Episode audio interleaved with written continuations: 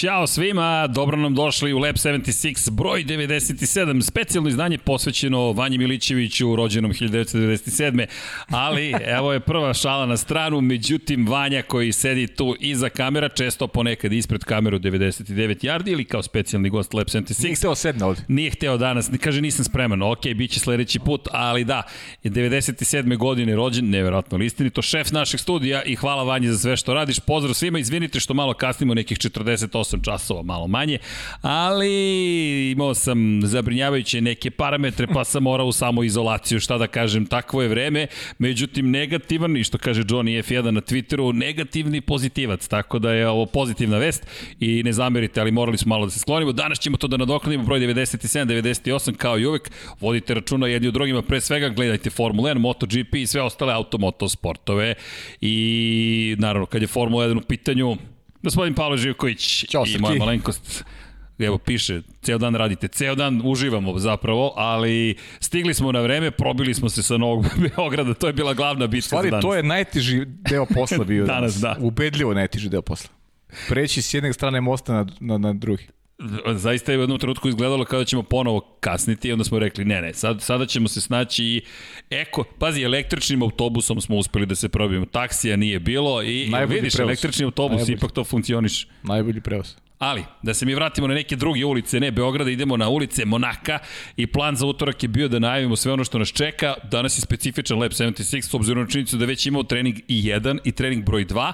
Bogdan, naš dragi dizajner, kao da ima proviđenje neko. Piše kome pripada Dragulj na thumbnailu, Hamilton 3, Verstappen 1, a crveni je bolid na posteru za Monako. Tako da ne znam da li ovo nešto sluti, ali pozicije 1 i 2 danas za Ferrari, Charles Leclerc Monačanin na poziciji 1, Španac Carlos Sainz na poziciji broj 2, pa eto, vidjet ćemo da li je Bogdan nešto naslutio. Inače, Bogdan nije toliko upućen u Formulu 1 i nama je drago zato što čovek koji ima neki pogled malo sa strane, izbaci crveni bolid. Prošli put kada izbacio crveni motocikl, pobedio je Ducati u Le Manu, ali o tome ćemo pričati od 9 časova. Tako da eto, vidjet ćemo, ali Pavle, Znamo da se nastavlja ta bitka između Mercedesa, Luisa Hamiltona i Red Bulla i Maxa Verstappena, no lepo je bilo vidjeti da je u skladu s nekim našim najmama Ferrari ima šta da kaže u Monaku, a ovo jeste dragulj, ipak je ovo jedna od tih trka koje kada dođu na red svi ih gledamo, bez obzira što znamo da će biti možda malo preticanje, ipak je velika trka u pitanju. Da, i neko su se zvezde poklopile. Ti i ja često smo u raskoraku kada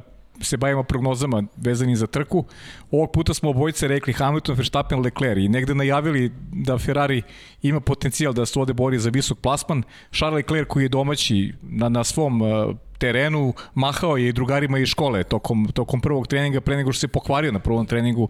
Imamo i taj moment kada je Ferrari u pitanju da je Leclerc propustio gotovo ceo prvi trening, a onda u drugom malo duže ostao na stazi i ti rezultati Sainz i Leclerca su zaista fenomenalni.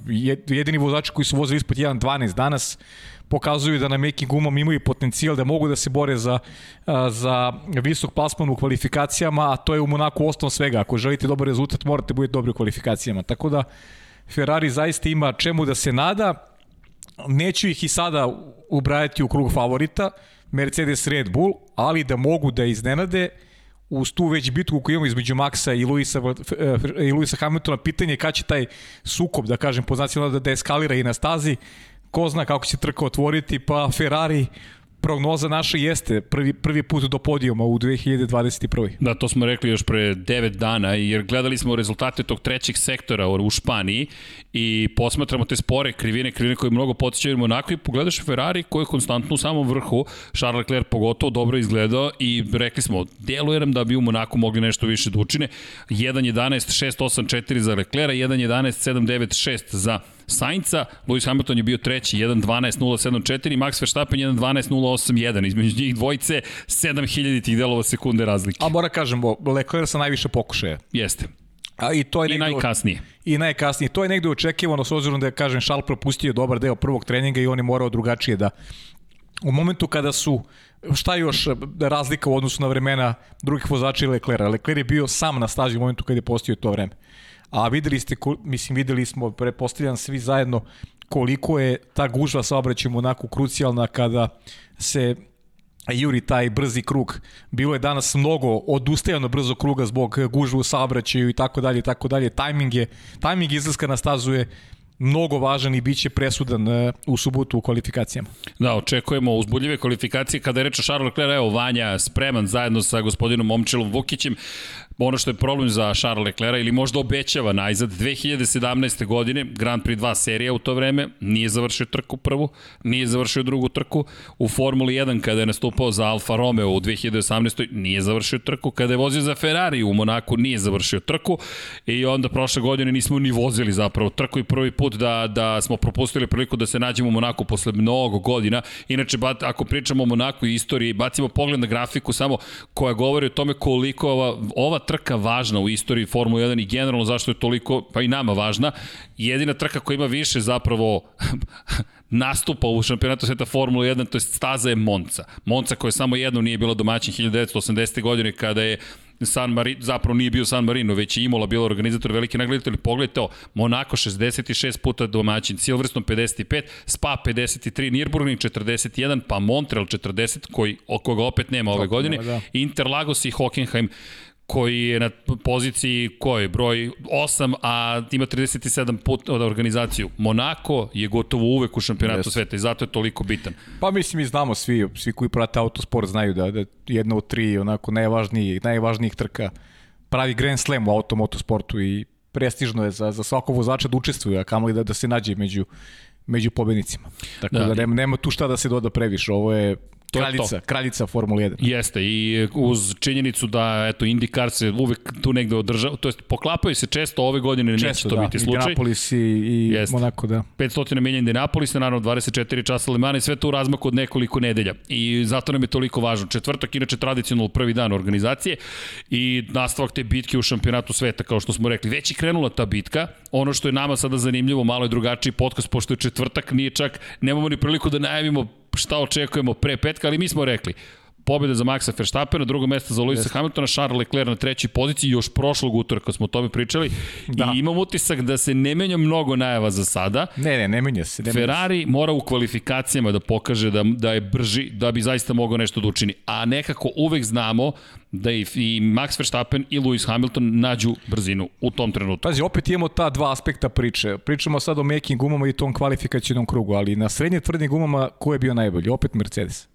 Ubedljivo. I to razlike su zaista bile velike na njihovu, na, na, na njihovu stranu. Opet imamo jedan moment koji je vrlo ovako e, zanimljiv. E, Carlos Sainz koji je odradio perfektan posao za Ferrari. U prvom treningu na srednje tvrdim gumama fantastičan posao uradio, na drugom treningu pokazao da te tvrde gume i te kako mogu da budu da budu brze po znacima navode. Znači na tvrdim gumama je Sainz ostvarivao lepe rezultate i i pokazao negde naslutio da ćemo gledati vjerojatno taktiku sa jednim stajanjem. A ono što će biti zanimljivo svima, kako se ponašati timovi u Q2. Poslednji put smo ovde bili pre dve godine. Da. Vanja, ajmo da bacimo pogled na, na, na grafiku od pred, iz 2019. godine, kako izgledala strategija tada. Bacit ćemo potom, evo pogledajte ovo, Lewis Hamilton, Sebastian Vettel koji je zauzeo poziciju broj 2 u Ferrariju. Ne zaboravite, pre samo dve godine Vettel je bio drugi u Ferrariju u Monaku. Valtteri Bottas na pobedničkom postolju. Strašna trka bio, strašan pritisak je. Na Lewisa Hamiltona, da. Hamiltona, da. I pogledaj, svi su bili na making gumama od vodećih 10. Svi su startovali na making gumama, razlika kod vodeće četvorice. U 11. krugu su svi menjali gume Svi. Dakle, Hamilton, Vettel, Bottas i Verstappen. Međutim, Hamilton jedini prelazi na žute gume, na meke gume, na srednje predrve, uprostite, a na tvrde odlaze Vettel, Bottas i Verstappen. Gasly, Sainz, Kvyat, Albon su vozili neku drugu priču potpuno. 27. 30. 32. 40. krug, prelazak na meke gume i na kraju Gasly koji je ponovo menjao pneumatike, a iako je zauzeo petu poziciju. Ko je startovao na svežim gumama prvi? Roman Grožan, koji je zapravo na kraju završio na poziciji broj 11 i gde smo mogli da vidimo interesantnu tu promjenu u 50. krugu. 50, 50 krugova vozio na making Inače 10. uzeo pa, jedan poen. Tačno se sjećam da sam u trci uh, bio onako verovo, tačnije da će Hamilton ići ponovo na stajanje da neće moći da izdrže te I govorio ekipi ne, ne mogu da izdržimo ovoliko. On je konstantno govorio ekipi ne može da izdrži, ne da može da izdrži i bio pod velikim pritiskom Sebastina Fetela, međutim ono što Jeste Monako, to bi bio držiš prvo mesto. Verovatno veći problem da je da je bilo par zaustavljena pri kraju da je, da je sigurno sto vozi izlazilo na stazu i tako dalje, da je tu postao možda prostor za još za još jednu promenu pneumatika, pa onda dodatni pritisak na Hamiltona. Mislim, ko zna šta je bilo, znaš, to sad pričamo po nekim prepostavkama, ali izdržao je na srednji tvrdim gumom i pobedio u trci. I, što je bilo zaista nevjerovatno. I to je ono što je uvek isto u Monaku. Subota je najvažniji dan i start trke. Inače, Max Verstappen imao loš start te godine, Jest. izgubio je pozicije i nije nemoguće izgubiti pozicije na startu. Dakle, koliko god da deluje da to do te prve krivine nema mnogo vremena. rekao, dve najvažnije stavke kvalifikacije i start trke. I nema mnogo mogućnosti za promene. Nema. Ima jedino u taktičkom nekom pogledu u smislu većeg broja zaustavljanja sigurnosnog vozila da se tu nešto promene stvari. Prosto Monako je timski rad. Apsolutno timski rad. Svude je timski rad, ali ovde je baš najviše izražen timski rad. Mene asocira često Monako sa tim, sa, sa više stajanja na, na, na ovog čoveka, na Mihaela Schumachera u ovim bojama, mada Bitburger tada nije bio ovako žut, nego sledeće godine, 1995. Damon Hill u Williamsu, koji ima pol poziciju, ide na dva stajanje, Schumacher koji ide na jedno stajanje i na taj način pobeđuju. Međutim, sada je teško prognozirati da će neko planirati dva stajanja, inače je izbor gume isti kao i pre dve godine, iako su promenjene, zapravo jedinjenja su promenjene, ali C3 C4, C4, C5 imamo opcije koje su najmekše i standardno već po dva seta tvrdih guma, po tri seta srednje tvrdih guma i po osam setova mekih guma. Mislim da će to drugo stajanje biti kontrolisano. Ukoliko bude potrebno ukoliko za njima. bude potrebno i ukoliko bude dovoljna razlika između vozača da to da mogu da obave to drugo stajanje. Ja očekujem da će biti jedno stajanje. Pitanje je samo izbor pneumatika, ništa više i da li Sainz možda nešto može sa tim tvrdim gumama da iznenađujući uradi. Mada, kada pogledaš ovo, da li očekuješ meni... da neko sa srednje tvrdim gumama pokuša na startu? Da li je to uopšte koncept koji, o kojem možemo da razmišljamo? Pa zašto ne? Srednje tvrde, možda čak i tvrde. Za, zašto ne? Zašto ne srednje tvrde gume kad, znaš, ne, nema, nema obilaženja, možda ostaneš duže na stazi, smanjuješ možda rizik. Možda na kraju na mekim na nešto možeš da učiniš. Tako je, uradiš, možda pređeš na meke na kraju. Mislim, zašto ne? Mislim da srednja tvrda guma možda bude dobra opcija u Q2. Da, to će biti, inače, ukoliko to učine, moraju da ih čuvaju u treningu broj 3, tako da u treningu broj 3 da. može da se desi da će biti samo meki gume. Ali dobro, ko prođe u Q3, tada će ih i koristiti. Da. Ali ova opcija, ovo što smo videli, to, to će vjerojatno biti, bez obzira što smo pre dve godine gledali trku, da je to neka opcija, verovatno meke gume i onda srednje tvrdi ili tvrde. I vremena su impresivna. 1.11, 6 smo danas videli. Kad se vratimo u 2019. kada se vratimo u trening broj 2, videli smo 1.11 i 1.18, ali ne zaboravimo, velike su promene obavljene Jeste. između prethodne sezone i ove, iako je prethodne Teži godine su bili najbliži. Ali ovo je drugačija priča i opet to delo impresivno. Inače, Ferrarijevi rezultati su bolji nego čak pre dve godine. Vettel je bio treći u treningu broj 2 uz 1.11, 8, danas 1.11, 6 ta prva pozicija. Mercedes je imao 1.11.1, Mercedes danas 1.12.074. Da, znamo da će Mercedes biti opasan, ali opet razlika postoji, pa eto, vidjet ćemo da li Šta to nešto... Šta koji će rem biti neophodno za polu poziciju u, u, u subotu? Ima osjećaj da će biti, ako ostane lepo vreme, najavljene kiše između 5 i subotu. Da, Ja sam to, ja sam to da, pomislio. Da, da, danas sam to pomislio. 100%. Dakle, i, i imali smo u kvalifikacijama u 2019. i kada pogledaš vremena za, za pol poziciju 1.10, 1.6.6 su čak vozili. Mislim da mora da, da. se ode to na 1.10.5. Sve preko toga biće, biće iznenađenje, ali ok, ko zna, možda vozači nešto pronađu i bitno je da ne bude mnogo kiše. Kiša se najavljuje na veče petak, to je noć petak na subotu, zašto? Smanjit će količinu gume koja utrlja na veću asfalt. Mada, Porsche Supercup, Formula 2, e, Formula regionalna Alpinina, Jest. ima toliko trka zapravo u Monaku da ako i padne kiša, opet to bi trebalo do popodne da se sve Petak, anulira. Petak, gradski saobraćaj. e da, kako, kako je to osjećaj Charles Leclerc, znaš, voži se u tvom slučaju zvezdarom i mahneš drugari da. na terasi, Evo, pozdrav ekipe. Velika, velika nagrada. velika zvezdare. Ko mene velika nagrada Zemun. da. Ja sam tamo išao osnovnu školu. Mahneš ne, sjajno, sjajno, i to je to. Sigurno, sigurno da, da je sjajan osjećaj iz, iz, iz, te neke, iz te njegove vizure i, i sigurno da je motiv onako ogroman osjeća se bolje u ovom Ferrariju koji daje mnogo bolje rezultate i tako da od Leclera ja zaista očekujem da bude onako faktor X u ovoj trci. A pazi, glavno greč vode Mercedes Hamilton, Red Bull Verstappen. Međutim, Ferrari obavi ovakav posao, bude prvi, drugi, jednom svi pričaju o tome što je Ferrari na pozicijama 1 i 2 u treningu broj 2. Pa, znaš kako, ne, koliko i nedostaju i koliko je velika ta ekipa. Jeste, velika ekipa, velika, mislim najveća ekipa sigurno, ima najveću armiju navijača i Najduže u sportu. Najduže u sportu, ne može se zamisliti takmičenje bez, bez Ferrarija, tako da je to cela... Ali, ali znaš šta je meni? Meni utisak, evo, meni utisak dana Carlos Sainz ipak. Znaš da sam ja bio skeptičan najviše kad je on u pitanju. Ovo danas je, danas je odradio perfektan posao. Ovo je njegov najbolji dan u Ferrariju. Siguran sam da ovo je njegov najbolji dan u Ferrariju. U smislu da, da, upravo, da, da, nije pravio nije pravio ni greške, e, e, prikupio mnogo informacija u momentu kada je Leclerc bio pored staze. Mislim da je da je on danas bio brži od Leclerca. I, taj, taj krug se. Charles Leclerca je, kažem došao malo, kasnije. Došao je kasnije, varljive, zato što je bio, bio je sam na stazi. Bez ig dikoga. U Monaku je taj faktor uh, gužve u saobraćaju igra mnogo važnu ulogu, a on je bio sam na stazi. Što opet u subotu može da odigra važnu ulogu. Može, Kome će pripasti pol pozicije. Kako ne? E, ali priča je stalno Mercedesu i Red Bullu. Međutim, ja ću da skočim, iako da je utorak, ne bismo toliko možda pričali o Ferrariju. Najavili bismo stidljivije, e, Ferrari nešto može da učini. Pa pr ali... pričali bi kroz ovo prizmu iznenađenja Čekaj, i to, da. čiju majicu nosim. Da, Koga da. bismo najavili, ovo moramo da iskoristimo priliku. McLaren bi bio zvezda broj 1 utorak. Zašto? Toliko se nije pričalo o novim bojama, o, o novom livreju koji su pripremili u McLarenu odavno i jedva smo čekali da ih vidimo, ali McLaren tradicionalno u četvrtak, u ovom slučaju u subotu se jedva vidi do kvalifikacije i onda u trci. Međutim, Vanja, možemo bacimo pogled na, šta je, na to šta je McLaren pripremio. Ljudi, ovo mora da se ispoštuje. Ovo su nove boje za McLaren za Monako i izgledaju predivno. Reč je o omažu sponzoru Gulf Oil, s kojim su nastupali u ovakvim bojama 1990 Ajde Vanja, pogađaj, koje godine? Kako se vidiš poklapaju stvari, tako je, 1997. godine i ovde pričamo o nečemu što je zaista značajno. 24 časa Lemana, eto ta priča o Monaku, 500 milja Indianapolisa. Reč je o tome da je McLaren F1 GTR u to vreme učestvovao u 24 časa Lemana i navijači su bili ti koji su pokrenuli celu priču. Ima tu i, ja se nadam, ili ima na fotografiji da je i GTR. Ako nema, nema veze, ali i dalje ovo prelepo izgleda.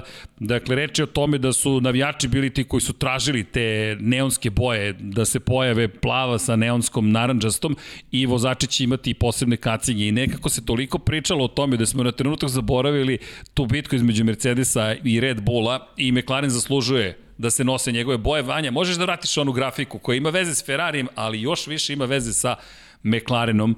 Zašto? Koji konstruktor ima zapravo najviše pobjeda na ovom mestu da. i koliko je velika i bogata istorija McLarena. Mi pričamo o Ferrariju, ali u Monaku McLaren 15 pobjeda ima.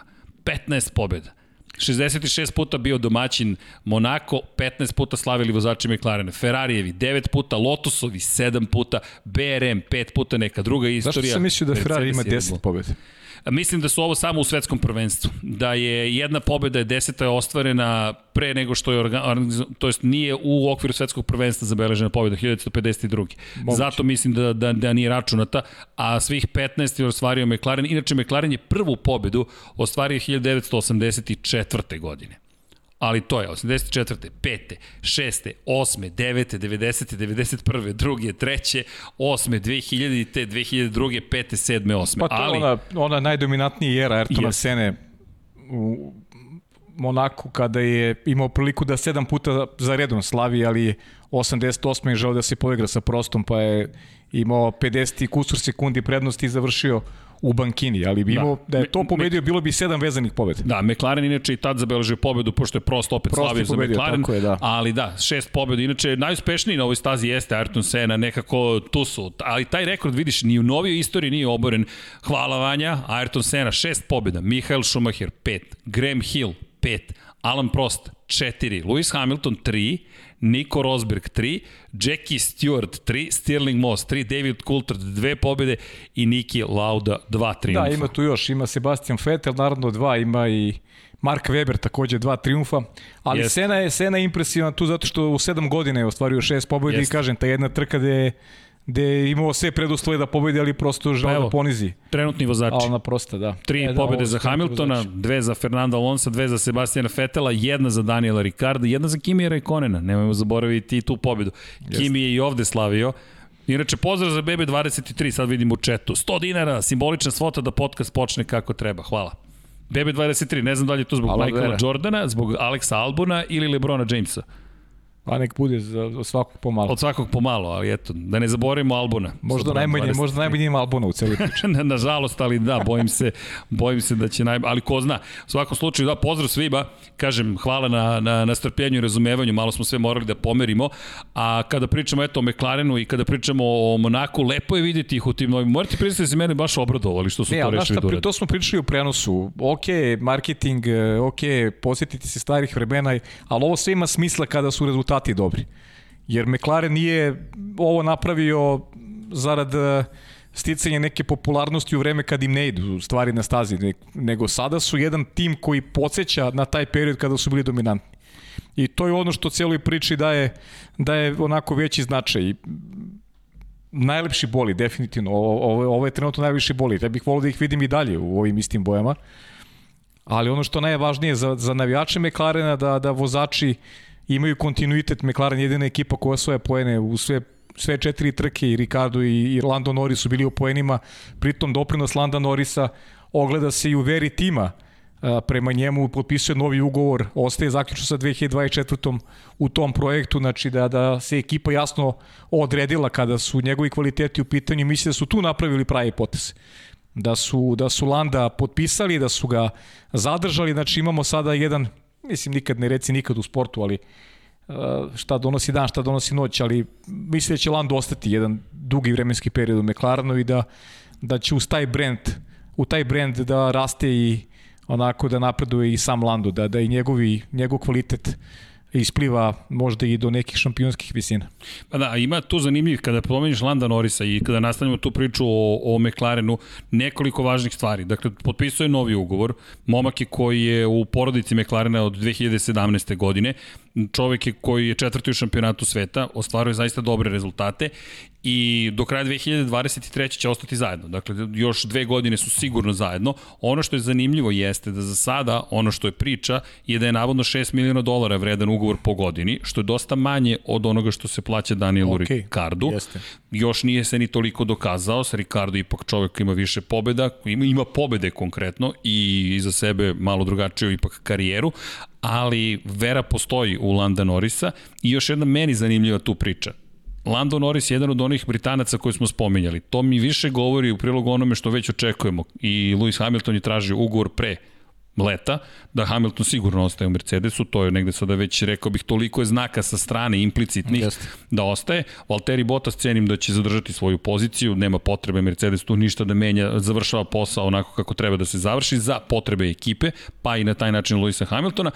I sada pitanje o Georgeu Russellu. George Russell deluje kao da će sve više biti uz Williams. Williams da. Da, tako da... To ono što Deki priča prošli, prošli put i zaista ima ima smisla i tekako, ovaj, prosto ne vidi se opcija neka druga za, za George Russella, a Williams izgleda kao ekipa koja će napraviti iskorak definitivno i da sledi jedan period. Znaš kako, logično je. E, Williams je velika franšiza, bez obzira što više nema porodici Williams u cijeloj priči. Jeste. To je veliki tim, ima veliko istorijsko nasledđe i E, imaju očigledno i način sa novim ljudima kako da, kako da iznesu ovu situaciju koja trenutno nije dobra. Tako da mislim da je neophodno i George Russell da malo bude strpljiv. Jer na dnu si pokazuju se naznake neke napretka i verujem da će Williams da klikne na momentu. Neće to tako brzo da bude u smislu osvajanja, ne znam, pobjeda, pol pozicija, borbe za titulu, ali, ali Williams, Williams mislim da, da se oporavio Pa i, I ono što, ono što je rekao, sad, sad se više, više sam i zaboravio, ovaj, čije je tu izjava bila, ne zamerite, ali da, da su da je porodica Williams propustila priliku da je još tamo 2014. Uh, prodaje ekipu i da i da da krene dalje sa sa nekim novim ljudima jer je tada bilo izvesno da svojim resursima nema nema napretka. Da, za automotornu šport je dao sjajan intervju Jost Kapito i između ostalog rekao je da što se njega tiče trka u Imoli bila veoma važna za, za, za Georgea Russella, da je to nešto što, će, što zapravo pomaže u celoj priči razvoju vozača i zanimljivo rekao je da se on ne bi izvinio za celu situaciju koja se desila u San Marino. Djeluje mi da je to direktna podrška zapravo Georgeu Russellu kao izvršni direktor Williamsa, čovek koji je preuzeo iz njegove perspektive važnu ekipu i rekao, ok, ja stojim mojim, praktično pri mom vozaču u trenutku kada je učinio šta god je učinio na samoj stazi. Ali, da ne odemo predaleko pa to je kao što je, kao što je Erik Bulije uradio svoje vremeno sa, sa, sa Romanom Rožanom, naravno. Mislim, treba staneš iza svog čoveka. Jako je napravio grešku, recimo, rećimo u, u četiri oka, a ne, a ne onako otvoreno ići javno sa, sa nekim kritikama koje baš i nisu umerene. Da, inače, kada je reč o, kada je reč, hajde da kažemo, o celoj, celoj toj priči i Williamsu, Williams naredne godine kao i svi, mi čekamo tu 2022. s nestrpljenjem, nemamo predstavu zaista šta će desiti, to je velika lutrija s jedne strane. Jest. I mi kada, to, kada se to bude tek rešilo, moćemo zbiljnije da se bavimo nekom analizom ili da kažemo, aha, i pritom, šta ako se desi da Williams zaista nađe neku magičnu formulu i bude taj koji iz bilo kog razloga bude uspešni. Tako da, ali da ne odemo predaleko sa Williamsom, Williams koji imao je zanimljiv rezultat danas, Nikola Latifi bio je brži od Georgea Russella, to baš nije uobičajena situacija, situacija, ali eto, lep početak. Nego vratio bih se samo na McLaren, McLaren koji zajedno sa Ferrari eto igra jednu važnu ulogu za bitka za poziciju broj 3 u šampionatu konstruktora i Ferrariju je ovo preko potrebno. S druge strane, ovo bi moglo da natera i McLaren na nešto zbiljni odgovor. Samo pet pojena ih deli u ovom momentu. Pa to se da kažem, Ferrari ima šansu da prestigne McLarena i Leclerc ima šansu da bude bolji od Landa Norrisa kada se završi ova trke. Lando imao Ima pojem prednosti. Pojem prednosti i jednu lošu trku iza sebe, mislim, za njegove standarde lošu, s obzirom kakve su bile prve tri, ta četvrta, ta posljednja nije baš bila na, na nivou onoga što je što imao Lando, bio i slabiji od Daniel Ricarda i mislim, Ricardo Norris, ja verujem da će to na kraju biti jedna izjednačena bitka kada govorimo o broju poena. Ricardo iskusan vozač, kvalitetan vozač, sigurno mu trebalo malo vremena da se navikne na, na novi tim, na, na, na novi bolid, tako da onako, ono što malo koriguje mišljenje, naravno, na tome je natero Carlos Sainz, ja sam rekao da je postava McLarena meni onako deluje kao iz tih timova srednje kategorije najodnečenija i postava koja može njima da odnese prevog u toj borbi za treće mesto, međutim Carlos Sainz ovo dana što uradio zaista me oduševio i ovo je ne znam, ja sam rekao ovo je njegov najbolji dan u Ferrariju, ali ovo je jedan od njegovih najboljih dana u Formuli 1 generalno i baš me zanima kakve će njegove reakcije da bude na, na sve što je uradio na stazi, jer, jer je on, da, on je danas bio lider tima i, i tu, tu lidersku ulogu je dobro odigrao. U nedostatku Charles Leclerca rekao bih da oponovo sad vraća na Ferrari, ali to govorim iz, iz te pozicije borbe koju vode McLaren i Ferrari, a svaka, svaki detalj je važan. Baš kao što je Sergio Perez važan za Red Bull, tako je Carlos Sainz važan za Ferrari u toj borbi sa McLarenom, jer neko deluje onako, meni je makar delovalo da su Lando Norris i, i, Daniel Ricardo neko bolje ekipa, bolji tim da oni mogu da imaju prednost odnosno na Ferrari. Ali Sainz je sad taj koji meni lično demantuje tu. Vidi, Ferrari je toliko pokupio pažnje danas, evo prema pisanju motorsporta, prvo Carlos Sainz veruje da je Ferrari vrlo blizu toga da bude autentična pretnja Mercedesu i Red Bullu, zatim Verstappen koji kaže da su vrlo slabi u Red Bullu u odnosu na tempo koji pokazuje Ferrari i Hamilton koji je iznenađen Ferrarijevim tempom u Monaku. Da. Ok, da je slušao Lab 76, ne bi ga toliko da, iznenadilo. Da, sećaš se, mislim sećaš se, ti si otvorio aplikaciju pa smo malo gledali i tempo za trku. Da, da. Bilo je tu vremena ispod 1.15 Carlosa Sainca, što je, što je bilo, ako se ja ne varam, bilo čak i najbolje vreme u jednom Najbolje momentu. vreme, bolje od Botasa. Koji, bolje od Botasa, da. I delovo je baš dobro. Ja se nećem da li još neko vozi ispod 1.15, du, do duše mali uzorak, jer to su nekih 15 do 20 minuta završnog dela drugog treninga, tako da stvarno je mali uzorak, ali tempo Carlosa Sainz je bio, bio zaista jako dobar. Bolji u odnosu na ostale vozače, što opet daje negde Ferrariju nadu da, da ovde mogu da naprave nešto više. Da, zanimljive stvari, zaista u Monako ovoga i jutro su i popodne. Nećemo se to, dotaćemo se kasnije Formule 2, ali iz perspektive Formule 1 zaista drugačiji neki poredak, iako smo najavljivali da će tempo imati dobar Ferrari. Nismo nužno očekivali da će baš izgledati ovako. Ne, sigurno. I, i to je opet lepo kad, kad se malo karte promešaju kako stvari funkcionišu. Inače, Ferrari, otvaramo ovim i temu koja se desila, velika tema između dva podcasta, a to je priča o savitljivim, savitljivim zadnjim da, krilu Red da. Bulla.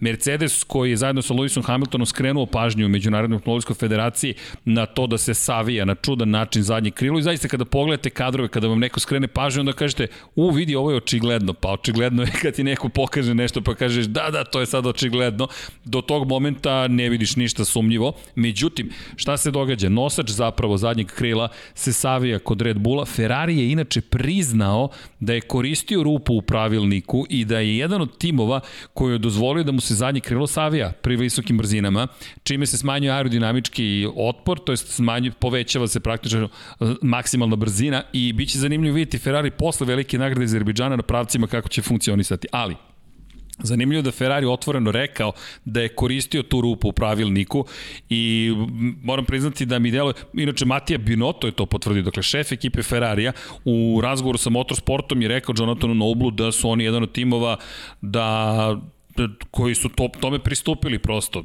i jednostavno ono što je bitno za, za, za ovu celu priču jeste i to da će ih koštati pola miliona dolara izmere koje moraju da naprave. U godini kada je budžet ograničen na 145 miliona dolara, to postaje sada ozbiljna igranka. Kažem, šta znači rupa u pravilniku?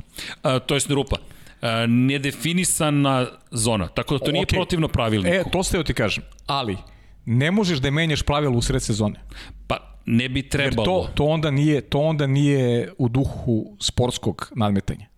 Jer ako neko, ako neko e, dobro čita pravila i uspe da napravi nešto što što što e, se što neko si sa njima, što je dozvoljeno. Ako nije zabranjeno, to je ako dozvoljeno. Ako nije zabranjeno, ti ne možeš da ih menjaš u sred sezone.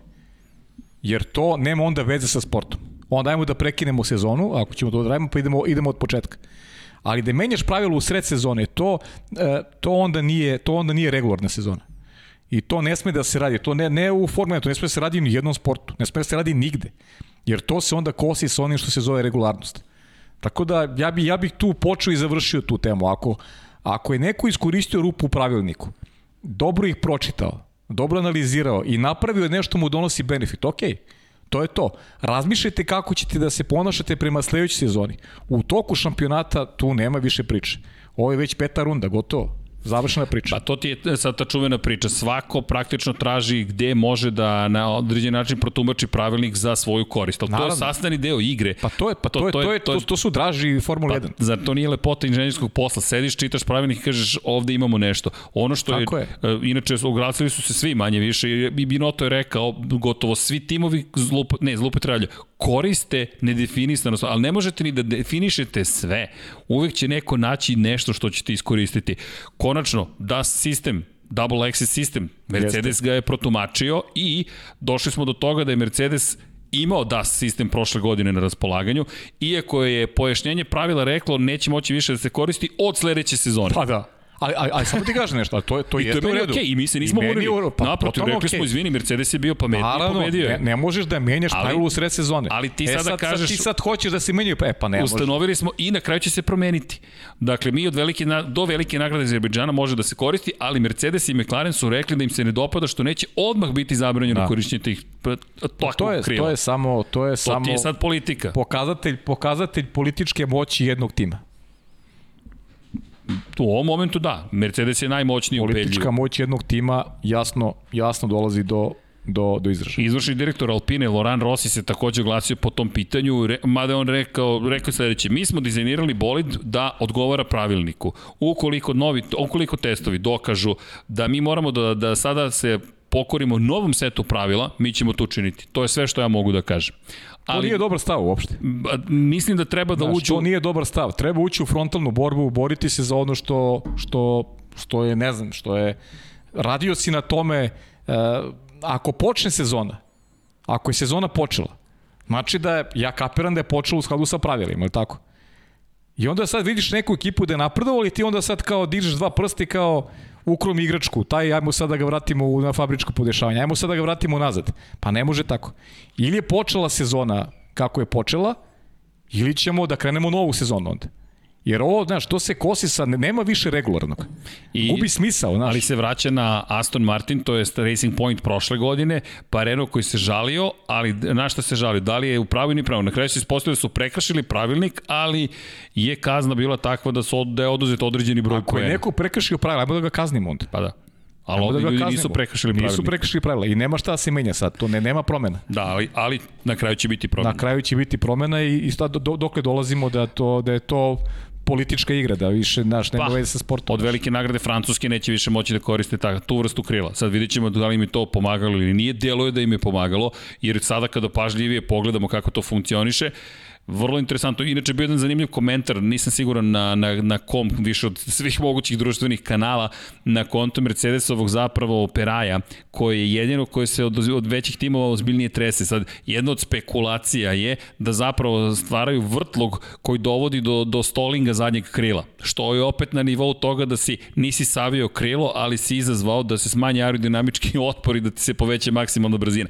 Igre su neverovatne, međutim, to je sad opet pitanje za, kao što si rekao, timove, i Alpinu, i Red Bull, pa konačno i Ferrari da kažu, ej, čekaj, čekaj, čekaj, ajmo da se mi bunimo protiv Znaš kako, ovoga. ne, to je jednostavno, ne, neću, neću da učestvujem. Neću da učestvujem u uslovima da mi se menjaju pravila u sred sezona. Ili su možda rekli, ok, učestvovat ćemo, ali ćemo nešto drugo da dobijemo. E, pa to je sad ono, već to, da ne kažem šta.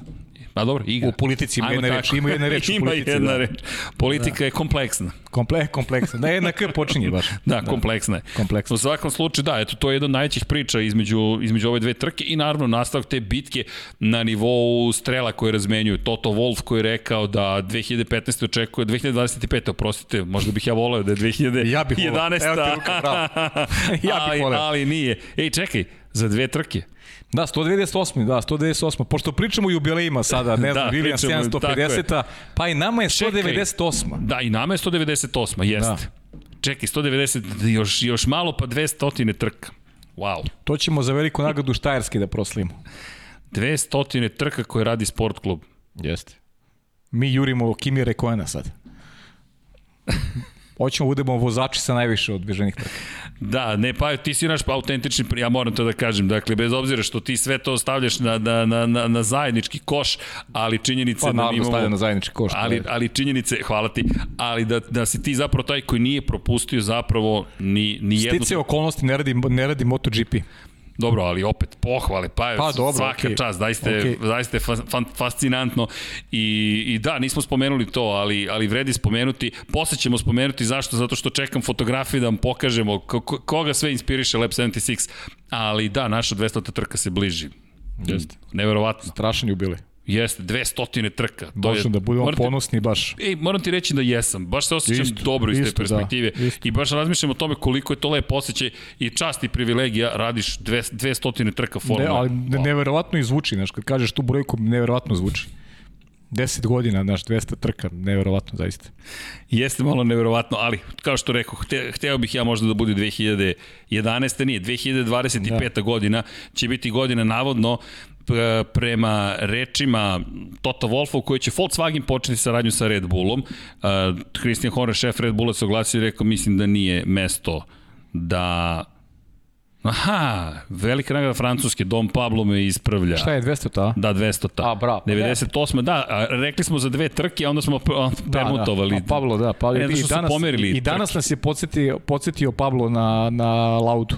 Jeste. Ne bih se setio isto, iskreno. Podsjetilo nas je. Da. Podsjetio nas je. Ne, ne, podsjetio nas je Pablo. Pa Pablo, Pablo nas je podsjetio. to ti kažem. Igramo igru, Dom Pa, ne, Pavlo, ne čekamo ne da sedne ovde u kombinezonu. E, kad nam stignu zvanični kombinezoni da. Lab 76, onda će Dom Pablo morati ovde da sedi. Ali dobro, Ja bih voleo, ali... samo mnogo je nizak, moramo da podignemo stolicu. Ko, Pablo ili? Kombinezu. Kombinezona? Da, da, da se vratimo na, na Volkswagen i, i Christiana Horner. Christian Horner koji je rekao, smatram da, da nije na mestu Toto Wolfa da o tome diskutuje. Ali isto tako, koliko je bilo teško Red Bullu da prizna nešto. Christian Horner koji je rekao u Španiji, tokom intervjua za Sky Sport, po završetku trke sede zajedno, to mi je zanimljiva bila scena. Toto Wolf koji izgovara, koji, koji sedi ponosno pobednik je trke, Christian eh, Horner koji kaže, imali ste bolji bolid, zato ste pobedili. I tu nas vraćam na početak priče, da li zaista imaju bolji bolid, jer previše se traži da. izgovora u bolidu, a mislim da malo nedostaje ove agresivnosti o kojoj pričaš i još jedne bitne stvari, ultra preciznosti u pripremi strategije. Ti da bi pobedio Hamiltona u kombinaciji s Mercedesom moraš biti na najvišem mogućem nivou. Znaš kako, mislim da smo se složili ti ja negde ovaj, da, da, su, da su Hamilton i Verstappen ove godine na nekom istom nivou. Stvarno, kad, kad pogledaš, ta njihova trkanja su onako baš fenomenalna. Dva velika vozača, naravno Hamilton ne, ne može se poredi, Hamilton eh, sa toliko pobjeda šampion uh, Max tek treba to da, da ostvari kroz, kroz svoju karijeru, ali, ali se sjajno takmiči Max sa, sa, sa Luisom. Međutim, razliku pravi tim. Razliku pravi Mercedes, bolje odluke Mercedesa, bolje strategija, a bolje vode Luisa kroz trku. Dakle, Mercedes je bolja ekipa i to je pokazao tokom ove četiri runde. Nevezano za onaj incident koji je imao Lewis Hamilton u Imoli kada je imao i sreće malo posle onog uh, sudara Bottasa i Georgea Russella, mislim da je Mercedes sve ostalo odradio perfektno. A kod Red Bulla imamo jednu nesigurnost koja, koja je krenula još iz Bahreina, oko, oko onog čuvenog prijeticanja i prepuštanja pozicije Maxa Verstappena, Lewisu Hamiltonu, pa, pa izbor strategije za prethodnu trku, pa priprema Mercedesa, Max koji nije imao novi set srednje tvrdih guma za, za drugu polovinu trke, drugu polovinu prošle trke. Dakle, Mercedes imao mnogo bolju pripremu. Mercedes je tačno znao šta hoće, rekao bih, od svake trke. I to je nešto što pravi razliku i I sad dolazimo do onog novog momenta uh, koji si ti danas lepo apostrofirao u prenosu. To je, to je sada ključni detalj cele priče. Uh, Hondini agregati, Hondini agregati, nasleđeni ovi agregati koji, koji ima Red Bull od uh, strane japanskog proizvođača, dakle, uh, počeli su da se kvare Cunoda koristi jedan, i već je koristio drugi agregat. Mislim da je Cunoda. Jeste. Baterije su, svi su koristili nove baterije sve Maxa Verstappena. Ok, moguće je da cijela ekipa radi za Maxa, da će tu Max da bude u nekom povlećenom polođu ostalo na ekipu, ali, ali nužno Mercedes, Mercedes nema te probleme. I, I u drugoj polovini sezone mislim da će se Red Bull tek suočavati sa tom vrstom problema. Ali izvini, još jedna bitna stvar, u kompleksnosti cele igre ako sada se ispostavi da zapravo Red Bull je morao da se oslanja na savitljivo zadnje krilo, to je nosač zadnjeg to, krila, to je tek da bi priča. povećao maksimalnu brzinu, a ti sada to izgubiš, ti moraš da tražiš još više od svog motora. Tako je. I ti samim tim utičeš gotovo sigurno na pouzdanost bolida, na pouzdanost motora. Sigurno što Mercedes opet igra šah. Pričali smo o tom šahovsko, o španskom otvaranju Mercedesa. Lepo si danas rekao i izneo si konstataciju koju potpisujem 100%. To je najbolja definicija koju si izrekao. Red Bull je morao da stekne prenos u prvom delu sezone. Ono što je Ferrari napravio 2018. godine. Ili D, ili, ili, ili 2016. 2000, čekaj sad, viš godine, 2018. 18. 18. 18. na početku godine. 2018. kada je Fetter imao prednost u jednom momentu čak i od 40 poena otprilike 30-40 poena imao prednost. Dakle, morao je da stekne prednost, a to se nije dogodilo. Ima je Mercedes. A čini mi se kako sezona bude odmicala da će Mercedes imati sve veću prednost. Tako izgleda sada. Da će Red Bull biti u većem problemu. I zato i ova trka, ovaj Monako, Vraća nas na ovu trku. Samo nas na ovu trku vraća, možda krucijalna iz perspektive cele sezone, bez ozira. Sad će neko reći što je priča, ima još, ima još 18 trka posle toga nije to samo brojka. Sad se lomi protivnik. Lomi se zato što moraju da ostanu u konkurenciji, moraju da budu, jer ako Red Bull bude video da nisu konkurenti, ako izgubi priključak, usmerit će se samo na 2022. godinu. Neće imati rezona više da, da, da, da, dokrađu, da, da, da dograđuju i da budu fokusirani na tekuću sezonu, nego će se fokusirati na 2022. i onda ćemo izgubiti ono što, ono što trenutno imamo, a to je ta borba koja je zaista impresivna između dvojice vozača, između dve, između dve ekipe. A to ti je onaj moment kada pričamo o toj 2018. Dve pobjede Vettel ostvario na početku godine. Jedna je bila Pa dobro, srećna. Pa, tako je. Bukvalno, se. U Melbourneu niko nije očekivao da će Mercedes biti ugrožen. Međutim, u ključnom momentu vozilo bezbednosti, to je virtualno vozilo bezbednosti, Vettel koji menja gume besplatno praktično, beleži pobedu. Zatim u drugoj trci sjajna vožnja na, na korišćenim gumama odbrana protiv Valterija Bottasa, još jedna pobeda. Pazi, to su dve pobede na početku sezone. Kina, specifična trka, Antonio Giovinazzi, incident, Daniel Ricardo, rizik Red da. Bulla, da. pobeda Red Bulla i onda Azerbejdžan, pol pozicija Sebastijana Fetela koja ne prerasta u pobedu ili nešto dobro, nego u incident sa Hamiltonom, ono, ono čuveno čukanje, njihov kontakt i pobeda Luisa Hamiltona. Ako se dobro sećam, Luis Hamilton tada u Azerbejdžanu Bottas je vodio, da, Bottas je Bottas. vodio. Bottas, pa je da, vodio. Je pukla guma. Bottas je pukla guma. Pukla mu je guma. Nasledio je trg, a Red Bullovci su se sudarili. Jeste, jeste. I Lewis Hamilton koji nije čak imao neku zbiljniju šansu da pobedi. Pa to je ta priča o Lewisu. prvi kroz priča cilj. Priča o Lewisu Hamiltonu, znači ja, ja ne znam, stvarno je čo, nema srećnijeg čoveka u karavanu u Formuli 1 u, u ovoj novoj eri od Luisa Hamiltona. Mislim, sreću treba, sreću treba zaslužiti, naravno. Izborio ali njega, ali njega stvarno prati sreća. Ali pazi, posle te pobede Španija, još jedna pobeda i onda ona čuvena Nemačka, ali zašto pričamo sada? U tih prvih pet trka, bukvalno se slome i to je ono što je Niko Rosberg rekao, da će Max Verstappen tek sada shvatiti koliko je teško, ali rekao je Max, ne treba meni Rosberg, to smo prošli put pričali. Da, pa dobro, da. Još jedna je... zanimljiva izjava. Sebastijana Fetela su juče u sredu pitali na konferenciji za medije, sedeli su zajedno Max Verstappen i novi vozač Aston Martina, Sebastian Vettel, i pitali su da li imate neki savet za Maxa Verstappena kako da pobedi Luisa Hamiltona u borbi za titulu. Vettel je rekao, ja u tome nisam uspeo, tako da ja bolje da mu ništa ne govorim. Pa dobro je rekao, šta pošteno. Pošteno, nije mogao da pobedi. Tako koliko je. god da je pokušavao, nije uspeo u tome. I, I samim tim nema, jedini koji može da savjet je eventualno Niko Rosberg, koji je pobedio Luisa Hamiltona. Ali ja moram da dodam, ja se često nadovezujem na to da mi ne zamere navijači Luisa Hamiltona, ja mislim da je to kombinacija. Kombinacija dobrog vozača i savršenog tima. Jer iz moje, iz moje prizme je, je Mercedes najveća zvezda današnje Formule 1. Najveća zvezda u posljednjih 8 godina. Mercedes je taj koji, koji dobija i političke borbe, koji evo uspeva sada da jedno pravilo, onako, nešto što Red Bullu možda donosi prednost da, da oni to u sred sezone nivelišu tu vrstu prednosti. Dakle, Mercedes je taj koji, koji je prosto, a neću reći u službi Luisa Hamiltona, ali je Mercedes dominira, dominira uh, scenom u Formuli 1. Ima najbolje ljudstvo, ima najbolju taktiku, ima, ima, ima sjajnog Luisa Hamiltona, ali, ali oni su vrh piramide. Oni su vrh piramide i Lewis Hamilton je šta je Lewis Hamilton radio? Lewis Hamilton u stvari doneo pravu odluku onog momenta kada je prešao iz McLarena u... Ali, to su ali, ti momenti životni koji, koji ti negde određuju karijeru. Ali i on je taj koji je izuzetan Ma, kada pogledaš. to nije sporno, sređene uopšte. To, to je, je sad, imaš jednog izuzetnog vozača u izuzetnom timu i ta kombinacija je gotovo nezaustavljiva. Ali to Jest. je sada lepota u krajnjem slučaju izazova za Red Bull i za Maxa Verstappena. Ej, imate najveći izazov. Jer zamisli koliko bi vredela titula ukoliko bi osvojili ove godine. Hajde da posmatramo iz druge perspektive. Ne, ja nemamo dovoljno brz bolid. A zamisli da pobediš Hamilton i Mercedes u poslednjoj eri ovakvih bolida u hibridnoj, u hibridnoj eri. Jeste izazov. Jeste izazov, Ta titula, staviš je na vrh svoje zgrade i kažeš, ej, mi smo pobedili Hamilton i Mercedes to je nešto što bi trebalo te inspiriši da kažeš ne, ne, ne, nema prede. I sad, dva dana imamo do, do treninga broj 3 do kvalifikacija. Dva ogromna dana i ja duboko verujem, mislim da, su, da si 100% pravo.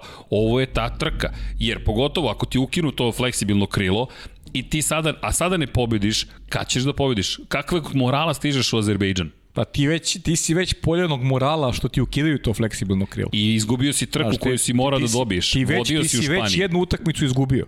To je ozbiljna utakmica. Dve. Da ti neko u sred sezone kaže ne možeš da koristiš fleksibilno krilo. U sred sezone, to je to je ozbiljno to je ozbiljno udarac. Ti si to je taj ti si Ali, taj taj duel izgubio. I Španija. I sad pazi sad ovo. Sad se pojavljuje ni otkud Ferrari. Ćao svima. Pritom to. Stigli i mi. To. Dolazi ti sad i Ferrari koji vreba u Monaku. Pa zamisli da, da zamisli da Ferrari pobedi ovde. Pa to, to, Ko najviše tu trpi? Red Bull. Red Bull, pa da. Mercedes će da to kaže, ok, kažem. nije pa pobedio Red Bull, to je ono što je nama najvažnije u celoj priči. Tako je. A idemo u Azerbejdžan gde će se i tekako osetiti Mercedes. Jeste.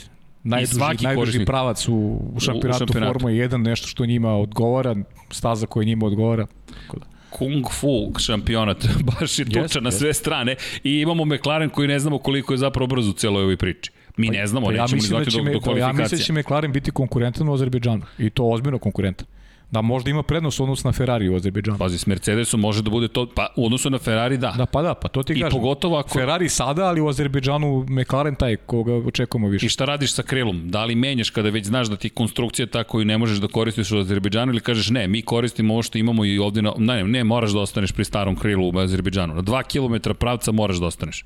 Mm. I za Ferrari, i za Alpinu, i za Red Bull, za sve. No, u, u Monaku, još jedna bitna napomena, nismo spomenuli ni Valterija Bottasa, nismo spomenuli ni Serhija Pereza. Da, nismo ovaj... A igraće ulogu. Ovako ili onako? Ako gledamo drugi trening, opet Sergio Perez opet nije uradio posao. Ne ono što se od njega traži. I ono što smo negdje najavili, da, da i ne očekujemo da se to desi u skorije vreme. Makar ja ne očekujem da se dogodi to u skorije vreme. Tako da, još sad u konkurenciji Ferrarija, Samo se povećava broj. Dobrog McLarena, Sergio je bio Čeko, osmi na kraju. Čeko je, njegova pozicija nije dobra. Znaš, ne, ne vidim neku razliku u odnosu na, na Pjera Gaslija, ne vidim neku razliku u odnosu na, na Alex Albona. Ne mogu u tim, u tim bitkama koje trebaju Red Bullu. Ali opet imaš situaciju koju smo gledali prethodnih godina, uvek se nešto desi. Evo, on je Valtteri Bottas je završio na petom mestu. Desio se sam sebi, se desio Imoli. U Imoli se desio Naprimer. sam sebi, ok. Ali, Ali ovde ostale ulaziš u saobraćajnu gužu, saobraćajna guža, saobraćajna guža. Zašto Valtteri Bottas nikad ne upadne u saobraćajnu gužu? Slažem se. Zašto ekipa Mercedes o to odradi bolje? Ajde da svedemo na ekipu, Bravo, da ne budemo odlično, za... odlično zapažanje. Jeste. Jer tim je taj koji mora da ti odredi poziciju da bude staza čista ispred tebe. Tim je taj koji mora da te upozori, imaš gužvu, a ne da on naleti u raskasi na dva bolida. Jeste. I to je odgovornost i drugih timova, ali to smo videli da se dešava. U svakom slučaju, Bottas, Bottas tradicionalno, Bottas nije previše spor. On je 33.000 dela sekunde bio sporiji samo od, na kraju dana u odnosu na, na, na Hamiltona i na, na Maxa Verstappena koliko? 16.000 delova sekunde. Ok, ne, 26. Ok, to je pozicija iza, ali Bottas je tu. A Sergio Pereza opet nema. Sergio Perez je sekund zaostaje za Charlesom Leclerom, šest desetinki za, za klubskim kolegom Jeste. Neprihvatljivo, bukvalno neprihvatljivo. E da i pohvale za Pjera Gaslija. Mi često pričamo o tome da je Monako kao Francuska, Alfa Tauri nam je bio veliki znak pitanja. Šta će učiniti Alfa Tauri? Neće, nekako smo pretpostavili da bi ovo moglo biti dobra trka. Možda smo za malo pocenili da taj moment patriotizma, ipak si u Kneževini koja je na jugu Francuske, ali uvek kao da si na domaćem terenu i sedma pozicija, Pa kad dobar pogledamo domaće vozače, pričat ćemo kasnije o, for, o Formuli 2 takođe, dakle imamo momente Uživaju u Francuzi. kojima uživaju zaista. I Pierre Gasly, ali rekli smo ne da očekujemo Pierre Gasly da da klikne konačno s obzirom da, da rezultati Alfa Tauri nisu dobri, što zbog loše strategije tima, što zbog malo nesrećnih okolnosti kada je Gasly u pitanju, ali Gasly je jedan sjajan vozač i Honda deluje dobro. Možda, je- možda je ovo ta... Pa da, delo je dobro, nije sporno. Delo je dobro, pogotovo za Alfa Tauri, od Alfa Tauri nemamo, oček... mislim, kako bi ti rekao. Da, Tsunoda inače Ne zaudario bore se, bolid. da, udario bolid, imao je problem sa, sa zadnjim krilom i ostao je, on je vozio neki 10 krugova u drugom treningu, ali Gasti na ovoj stazi vredi njegov brati pažnju. Čini mi se neka da će imati dobru strategiju. Imao je, imao je Pierre Gasly dobru strategiju i pre dve godine, kada je bio peti. Dva zaustavljene, ali kontrolisana dva zaustavljanja. Da, Gasly da. Da. Gasly imao dva zaustavljanja, ali kontrolisane. Tako da Gasly ne bi on čulo da ponovi taj rezultat od pre dve godine. Pierre Gasly ove godine nema rezultate koje je trebalo da ima. Evo baš razmišljam, evo gledam 7. 10. 10. to nije... Nije, nije, pa nije to taj Nije. standard koji smo očekivali. Od da. Alfa Taurija ne. Ovo je lepa prilika da kažeš, ej, čekajte, imamo priliku da dođemo možda i do vodeća, ali teško je. Gotovo nemoguće. Ti kad pogledaš sedma pozicija, ti je najbolje što možeš sada da očekuješ u Formuli 1. U, u, u ekipi koja ni, imaš dva Mercedesa, imaš dva Red Bulla, sada dva Ferrarija, dva McLarena, ti kada budeš sedmi, to ti je sada na nivou pobede, to, to je toliko je postalo teško. Osim kada se nešto zaista ne desi toliko dramatično da se sve promeni. Ali sedma pozicija deluje mi kao da je sada maksimum postao u, Alfa, u Alfa Tauri. Jeste, jeste. Ne možeš, prosto ne možeš. Pogledaj samo kako su oni svi brzi i raspoloženi. Pa i McLaren, lepo si rekao, nije to samo pitanje, ajde da promenimo da bismo reklamirali boje. Ne, ne, mi imamo sada šta da pokažemo na samoj stazi. Super. Pravi, pravi tajming za, za, za ovakav potest McLarena jer se, jer se nekako podudara sa, sa dobrim rezultatima na stazi. Zato je cela priča meni lepa, jer, jer nema samo taj marketinški deo, nego ima sportsku priču koja je, koja je sjajna. Da, no, Ekipa koja napreduje, to je, to je super. na mnogo toga zaista se izdešavalo između dve trke i sad kada imamo i ovaj dan pride kako je funkcionisao, mnogo toga pohvalnog. Jedini koga teško možemo da pohvalimo za sada jeste Alpina. Kada pričamo već o Francuzima, francuski tim koji ne znamo da li da, ne znamo da li da ih hvalimo, ne hvalimo ili prosto da čekamo, da čekamo subotu zapravo. Pojde da čekamo subotu, da. Ja bih sačekao subotu kad je Alpina u pitanju. Posljednje dve trke, posljednje dva vikenda su dobra za njih. Vidjet ćemo šta mogu na ovoj stazi. Alonso ima jednu grešku koja onako delovala je kao, kao da je početnik u, u Formuli 1. Okon, rekao bih standardno, standardno dobar. Da, Alonso i tebi meni izmamio osmeh nekako Jeste, tako da. udari u poslednjoj krivini Pa, odbojnu baš ogradu. onako, da, Izgledalo je je- kao da je on Novajlija. Svi su, mnogo su kritikovali svi. Kao, ne, kao, znaš kako je izgledao? Kao da mu zvonio telefon i on se javio, znaš. I kao da, ali Kao da ima je poziv koji nije smeo da moment propusti. dekoncentracije, Pa, tako to- izgledalo. to ti kažem, Bukvalno, tako, baš si lepo opisao. Kao da je A- telefon zvonio, kao je ovo, ovo mora da se javi. I, I samo je onako udario onda nastavio. Kao da. da neko ko pokušava da se sakri, ništa se nije desilo, zaboravite.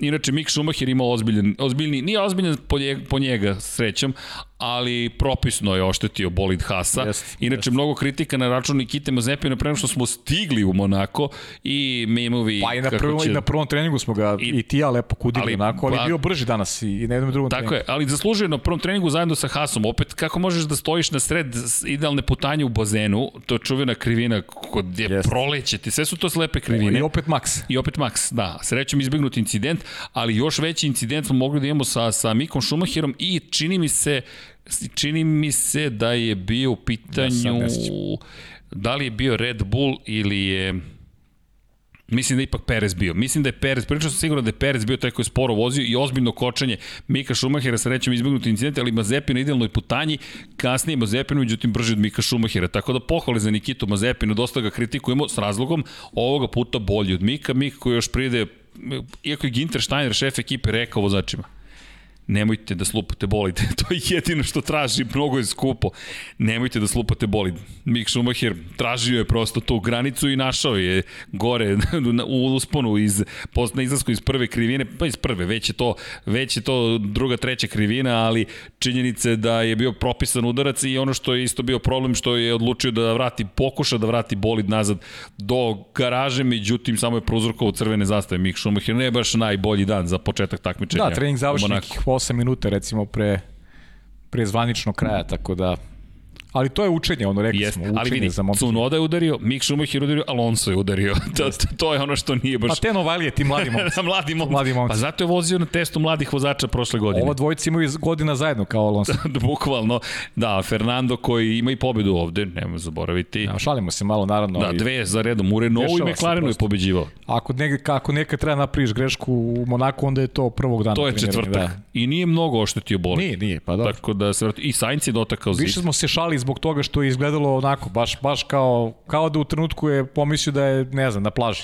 Jeste. Inače, kada pričamo o Cunodi, samo kratko da napomenemo, Cunoda je osjeća ozbiljan pritisak sada i Honda i rekao je da izgubio, da ima zapravo da izgubio u potpunosti kompas u, u Španiji, da je lost his mind, da citiram, to je rekao. Dakle, u četvrtoj trci u karijeri ne bi to trebalo da se desi. Ogroman je pritisak na tim donalijama, kao da je, svi očekujemo jednom samo da uđu u bolid Formula 1 i počnu da pobeđuju. To tako ne funkcioniše. Pogotovo kada je Red Bull u pitanju. Tako, i zato smo hvalili Charles. Leclerca prve njegove godine. Sećam se toga koliko ima uspeha i da smo ga hvalili baš zahvaljujući tome. U prvoj si sezoni i treba postići te rezultate. Leclerc je bio jedan od onih ko je odmah pokazao da, da, da, da može mnogo toga da postigne u šampionatu. Mnogo je važna ta prva godina kako se snalaziš sa bolidom, kako se snalaziš na stazama, pogotovo na stazama gde gde vozači prvi put dolaze na nepoznatoj teritoriji. To je najvažnija stvar za mlade vozače. Kako se snalaze na nepoznatoj teritoriji. E tu onda taj, taj, taj menadžment sagledava jasno sliku, skicu onoga, pravi skicu onoga što, što treba da se očekuje od tih, od tih mladih vozača. Tu je Leclerc položio test, zaista dobar u, u ekipi Zaubera, Zauber koji je tada bio jedna ispod prosečna ekipa, moram I, tako da je ne zovem. A, pa, a pazi ovo, ove godine svi ti vozači mladi u Monako stižu uz sat jedan manje u petak, to jest četvrtak. Pa da, to je, to je dodatno Tek pritisak. Da. E da, i da pohvalimo Leclerca, to nismo napomenuli, nije vozio u prvom treningu uopšte, pa kvar da, na pa menjaču. smo, da, da, kvar na menjaču i Zato je, zato je uloga Carlosa Sainca bila krucijalna za, za Ferrari i odradio je perfektno. Zato ja ističem veću ulogu Carlosa Sainca u odnosu na, Le, na Leclera i to vreme Leclera ja bih ipak onako e, bez obzira što je Lecler zvanično bio prvi, za mene na drugom treningu prvi Carlos Sainz.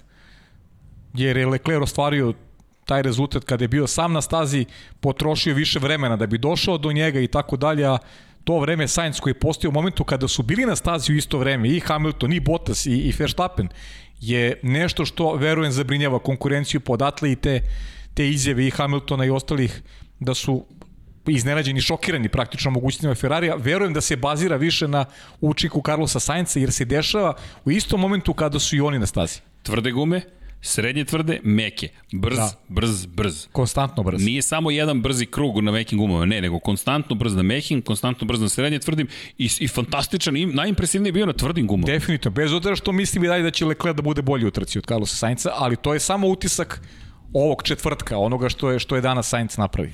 U svakom slučaju svaka im čast na, na obavljenom poslu Jeste.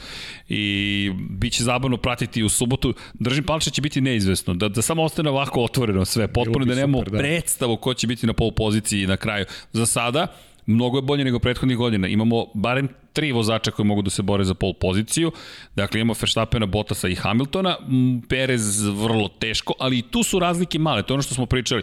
Ako pogledamo pol pozicije za Verstappena u prvoj trci, 35.000, 36.000 tih delova sekunde za ostatka imali za Pereza i 35.000 tinki na prethodnoj trci u Španiji. Tako da generalno to je dosta izjednačeno. I onda opet ta priča o fleksibilnim krilima. I da ne zaboravimo stav Tota Wolfa o fleksibilnim krilima, koji je rekao da smatra da ova polovična rešenja nisu ni malo dobra, može se desiti da će Mercedes i McLaren uložiti žalbu zapravo na kraju velike nagrade Monaka, ali manje više Monako, Wolfov fokus je na Azerbejdžanu. I kaže na mestu na kojem će biti najosjetljivije zapravo, to jest najkorisnije takvo savjetljivo krilo, timovi će moći dalje da ga koriste, što smatra da dovodi do vakuma pravnog i da će se žaliti timovi kao što se Renault prošle godine posle svake trke žalio na Racing Point. Tako da čeka nas tu još mnogo, uzbu, mnogo interesantnih momenta i uzbuđenja, rekao bih. Pa ćemo vidjeti zapravo šta će, šta će se dogoditi. U svakom slučaju, priča koja neće tek tako nestati, ali eto, pratit ćemo je. Što se tiče ostalih timova, da mi nastavimo i priču o ekipama, pohvale za Antonija Đovinacija. Antonija Đovinacija, da, da, dobar, dobar tempo. Pa jeste, dobar je, dobar je tempo. Ne znaš šta da mislim naš, o, o, o Alfi dešavalo se i ranije da imaju taj, pa da, ali dešavalo se i ranije da imaju tog prvog dana dobre rezultate i onda dođemo Ko u subota. Ko je najbrži u sektoru jedan bio u Španiji? Da, Kimi Raikkonen. I nestao čovjek. Jeste, tako da pitanje je i te pouzdanosti. Ono što, što treba da zabrinjava Alfu, to je, to je tempo za trku. Baš imaju loš tempo za trku i ima tu i propusta, naravno timskih propusta, dva puta u slučaju Antonija Đovinacija, ima svega pomalo. Mislim, bit će poena, siguran sam, ali ali neko su moje očekivanja bila veća, s obzirom da su oni prošle godine odradili odličan posao kada je aerodinamika u pitanju, da je nedostajao pouzdaniji Ferrari, imaju sada Ferrari, imaju neke svoje resurse, ali nema, prosto nema, nema, nema dobrih rezultata, nema poena. A čini mi se da je to, onako, stavljam ih u grupu timova koji su razočarali prve četiri trke ne znam, Alfa Romeo je baš mistična. Iz cele ove priče koje smo videli u 2021. i jedina prilika kada su mogli da osvoje poene propuštene, još uvek nemaju bodove, još uvek agonija traje, isto važi za Williams, isto važi za Haas, od Haasa da, najmanje očekujemo. Od, od, od nismo očekivali ništa. Takođe, Alfa Romeo međutim je moralo da ima poene. Jeste. Morale da ima poene. Aston Martin s druge strane, da ne zaboravimo njih, jedno deseto, jedno osmo mesto u prve četiri trke. Ukupno, jedno deseto, jedno osmo Pa dva mesto. tima koje su koje su najviše razočarala su Aston Martin i, i, i Alfa Romeo. Neću reći Alfa Tauri, Alfa Tauri imao neke situacije koje su onako uticale izbor strategije, ne znam, splet nesrećnih okolnosti po, po Pjera Gasly, ali ova dva tima prosto su morala, morala više. Makar su moje to očekivanja bila. Alfa Tauri, zanimljivo će biti. Meni Alfa Tauri deluje kao da može do, do vrednih poena. Ja sam siguran u to. No i Pierre Gasly, i Gasly je tu gledam i da će iskoristiti svaku priliku mu se Očekujemo od domaćih vozača odlične trke. Svaka prilika. I Ocon, i Gasly, i naravno Leclerc da će imati odlične trke. I da ne zaboravimo Williams, važna trka za Williams, 750 trka. Čekaj, mi imamo 200 trka, je li tako? Nemamo još. Nemamo još, imamo 198 će ovo da. biti, ali evo bacimo pogled, na primjer, da vidite kako izgleda ekipa Williamsa. Hvala Vanja, 750 trka, ali, ali ono što je meni zanimljivo, obratite pažnju na broj 750. Pa da li tebe podsjeća ovo na neki broj? Da li ti je ovo onako inspirativno? Meni nešto, nešto me podsjeća na ovaj gornji levi ugao. Naš dragi Nikola Brđević mislim da je radio neverovatan posao kada je dizajnirao Lab 76. Pazi, pa je, ovo je koliko? Godinu i po pošto smo dizajnirali Lab 76, Nije loše. Prvo uticao, ne znam, naravno da li uticao, ali jubilarna godina, 70. Formula 1 dosta je podsjećala naš logotip, ali da, lepo je i sad koliko god da smo ponosni na sebe, ono što je činjenica 750 trka ove ekipe, neverovatne su cifre i neverovatne je za, zapravo nasledđe koje postoji u ekipi Williamsa i Jost Capito, to je ono što je Deki spominjao, je nekog od koga možemo očekivati da će to ekipu da vrati tamo gde zaslužuje da bude, kao što McLaren sada i, jel te, marketing i rezultati. I rezultati. I marketing i sport. Da. Ide, idu pod ruku. Inače, pogrešio sam George Russell je bio bolji u drugom treningu od Latifija, u prvom je Latifi samo dobio da, da, Russell. Pa da, a u drugom je Russell bio među 10, čini mi se, u jednom momentu čak. U jednom momentu da, na kraju su se, se spustio se Da. dole, ali bio ipak ispred Latifija. Da, inače Nigel Mansell, to je neko spomenuo na početku, Nigel Mansell protiv Ayrtona Sene, jedan od velikih duela 1992. godine, pobjeda koja To je, to je bila peta trka u šampionatu, Mansell je jurio pr pobede u prvih pet trka, novi rekord po tom pitanju u Williams Renaultom svemoćnom F, FW14B i pukne guma i pretekne ga Sena i nije dozvolio da mu da se vrati, možeš da imaš najjači bolid na planeti Zemlji. Dobit ćeš samo džepove ako hoćeš da me pretekneš i to je bilo to. Da, kult Ayrtona Sena. Inače, jednu pobedu u Lotusu ostvario tih šest pobjeda. Pet pobjeda u McLaren. Da, da, da. Da ne zaboravimo Prva- taj, prva taj bila- uspeh. Tako je, prva je tako bila je. Lotus. Tako je, Lotus A moglo je da bude i pre toga jedna pobjeda, ali Alan Prost je igrao neke čudne igre. Pobeđivati u to vreme u Lotusu mogao je samo Sena.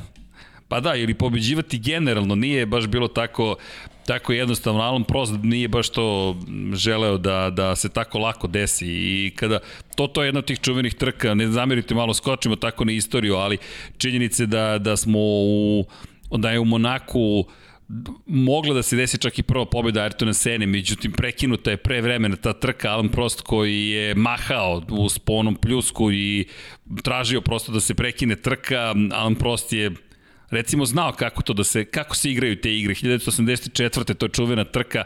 Ne znam da li se sećate toga ali bilo je impresivno gledati prosto u, u, u jednom malom bolidu u, u Tolemanu kako sa Hartovim motorom se Ayrton Senna probija i sustiže polako ali sigurno Alano Prost, Alan Prost koji maše, maše, maše i kaže ljudi prekidajte trku, prekidajte trku čovek koji je startovao 13. se stiže kao mećava ali dobro Sve to deo istorije i to je neka možda bila najava budućnosti i kako će stvari se rešavati kasnije. Ozbiljan političar je bio Alan Prost. A i danas je prisutan u Formula 1 u Alpini. Sad ne znamo kakav je političar s obzirom na rezultate Alpine, ali, ali nekad je bio dobar. Možda da, nekad je bio veoma dobar. Da. Znao je, posle sat i minut je ob, za, svo, za svoj interes je znao dobro da se bori. Samo krug je nedostajao Seni i, i, i to bi bila to bi bila baš kultna pobeda. Toleman Hart. Hm, ali dobro. Idemo dalje. Kada je reč o 2021. teško baš da ćemo to vidjeti. Najave meteorologa kažu da kiše ne bi trebalo da bude. Sutra oblačno, u subotu mestimično oblačno, u nedelju mestimično oblačno, oblačno i zapravo kiša, da, subota tokom noći, petak na subotu noć, kao što smo rekli. To je i dalje stoji ta najava meteorologa. Donja temperatura, najniža temperatura je 11 u nedelju, 22 stepena tokom samog dana. Generalno dobri uslovi. Ne dobri, nego Danas je savršen. bilo prelepo. Savršen. Jesi imao želju da, da svratimo do mora? Imao sam. Pa eto, pohvalili smo se ti, a vozili smo tamo. Vozili Mislim, Duše ne formulu, već ove Šta, lične. jesi vozio, ja sam kombi vozio, ne znam koliko se to... Ja sam zaboravio šta sam neko... Punta tada, čini mi se. Mi smo bili, to je, znaš kada smo mi vozili? 2015. kada smo išli za Valenciju. Smo tad trebali zajedno ili ne? Ne, A, nismo To trebali. je poslednja trka bila sezone. A nije, nije, nije. To, To je onaj čuveni duel. čuveni duel kad, je, Jeste. kad se Marquez umešao u borbu za Vala Alonso i... To ćemo i Lorenza. 21.00, Da, ali da, zapamtio sam. pričat ćemo o velikoj nagradi Francuske, ali činjenica je da smo bili u Monaku u tom momentu kao, ajmo da snimimo malo o Monaku i da se provezemo na gore kroz krivine. Bilo je zabavno. Da, da. Super, jeste, jeste zabavno je. Zabavno je Čudan je osjećaj. proveza, jeste, da, baš čudan. Prolaziš kroz tunel i kažeš, ok, Da. samo mogu Duše, da zamislim sa 300 km. 80 na sat. pa, doko, pa, i, pa čak i manje, ali dobro. Da. I zabavan je bio. zavisi, zavisi od dana, Ne, momenta naj- kad ideš. Najbolje je bio parking, kada odeš da parkiraš i pošto se spuštaš nizbrdo šest spratova da se parkiraš, pri čemu niko nije planirao da uteraš kombi, to je pravljeno za Porsche, Ferrarije i gledaš samo razmišljaš samo da ne zagrebem ništa ovde, inače ostalo smo mi u Monaku trajno. Da, ali nadamo se da ćemo uskoro ponovo u neku takvu avanturu, bilo bi Bilo bi lepo da se to desi. Da, da ne, ne znam da li smo nekoga zaboravili, mislim da nismo, da smo bukvalno sve spomenuli, u drugačije, kažemo, s obzirom na činjenicu da već imamo prve, prve rezultate, ali eto, činjenica je da, da smo... Pa mislim da smo, da, da smo absolvirali sve timove, da, kada Jest. su pitanju rezultati, da. ne ima Možda tu, manji akcenat na, na, na Williams i na Haas, ali kažem, to je negde i realno, s obzirom da od njih baš ništa ne očekujemo. Da, inače, Srki, evo pitanje Tomislav Ivanića, ko je bio treći 1984. A uf, ne mogu da se setim. Treći, 84. Um, u, u, u Monaku. Pa Monaku, verovatno, da. To ne, beše ja... Rene Arnoux. Moguće. Rene Arnoux, eto, nadam se da, da Nadam se da sam u pravu, ako nisam ne zamerite, ali mislim da je pretekao Arnua i da je onda krenuo... Ko da, a ko da je pretekao Arnua? Sena. Sena. Sena, čini mi se. Uh, pretpostavljam, ne znam. Ali da, evo, malo smo bili brži ovoga puta, pazi, za, za sat i 8 minuta. Ovo je neki novi rekord, ja mislim. Da. Da smo posle, šokirani su svi ovde u studiju.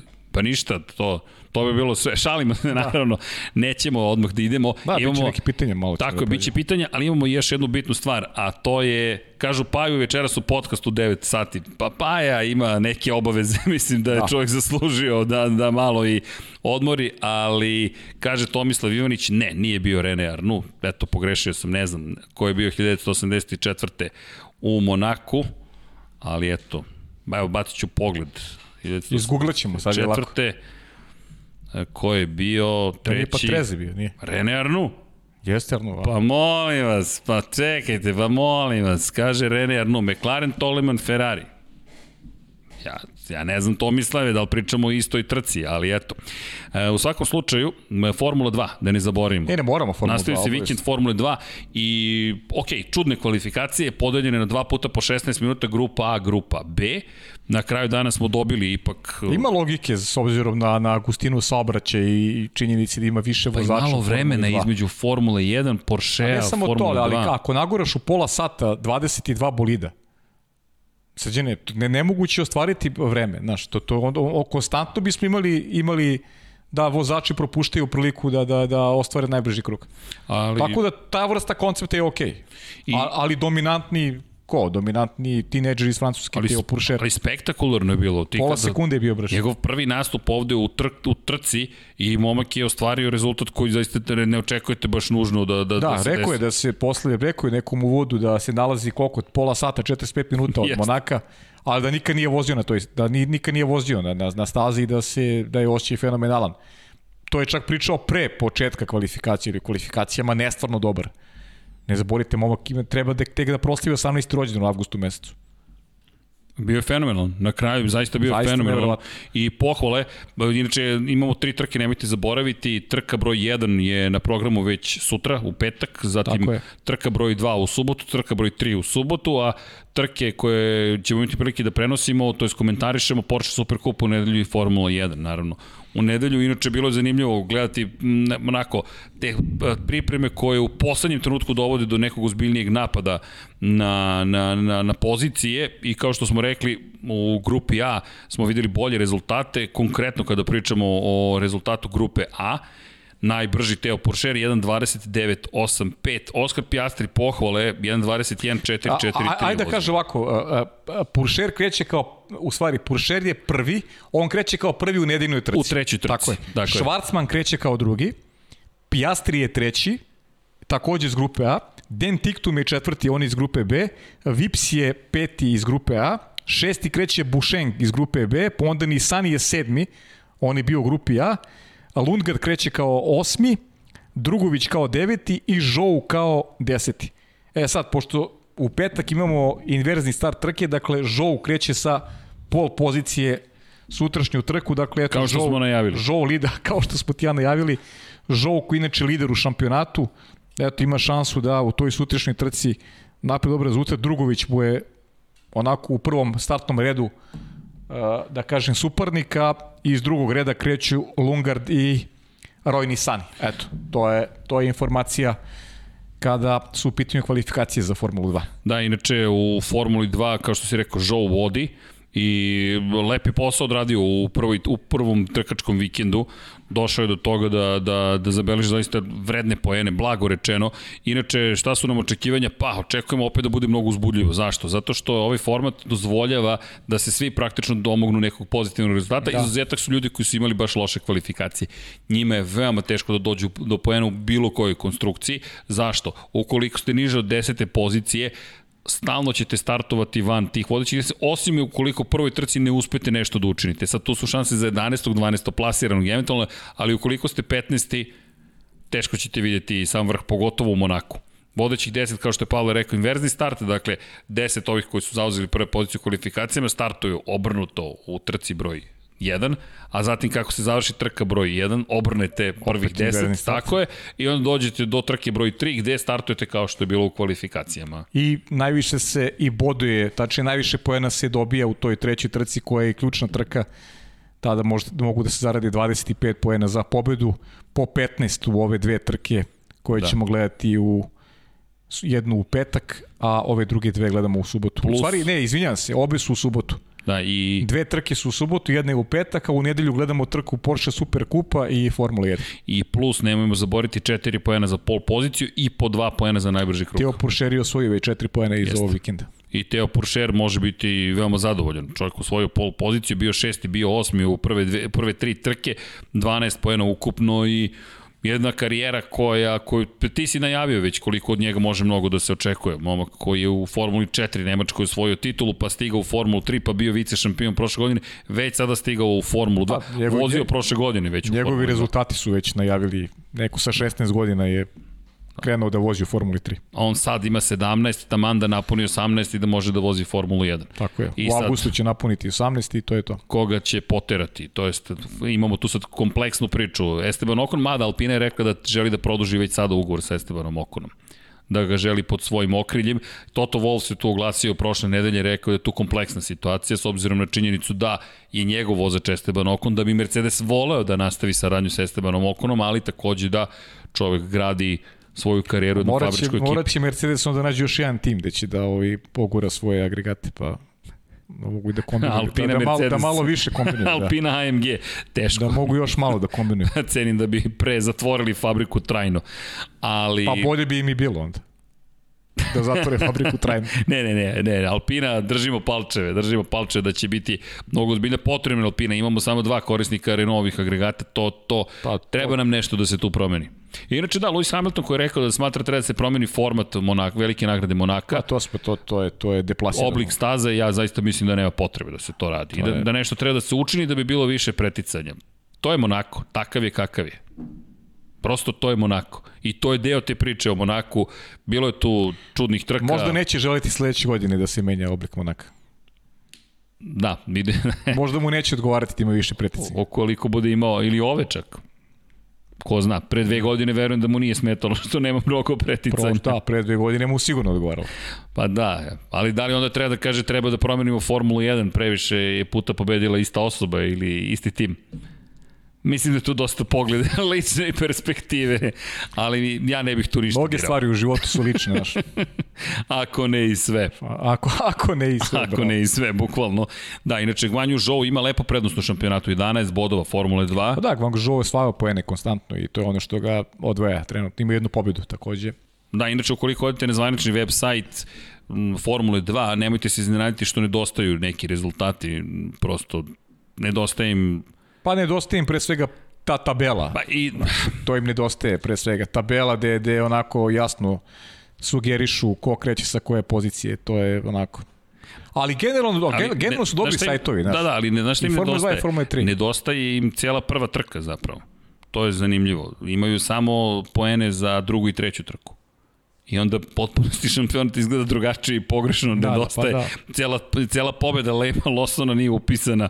Morat ćemo, ja mislim da moramo da mi napišemo, da, da, da znaju šta se trenutno događa. A inače lepo rade, mogu se pogledati highlights yes. sa trka i generalno su dobro, do, dobra dva, pregledne dva ne, ne, sajta i za Formula 2 i Formula 3, vrlo lepo, tako da eto, možda pa možda ta činjenica, znaš, da se imaš takmičenje, ono, imaš sezonu jedna trka u mesec dana, što je E, to, to, je to mi najviše smeta. A inače, ovo je format, format je potpuno okej. Okay. Jeste. Pa i... Tri trke dinamične, sve se brzo odigrava, kompleksne stvari kad, su, kad je u pitanju i strategija i ne znam, znači kvalifikacija, dobri testovi za te mlade momke.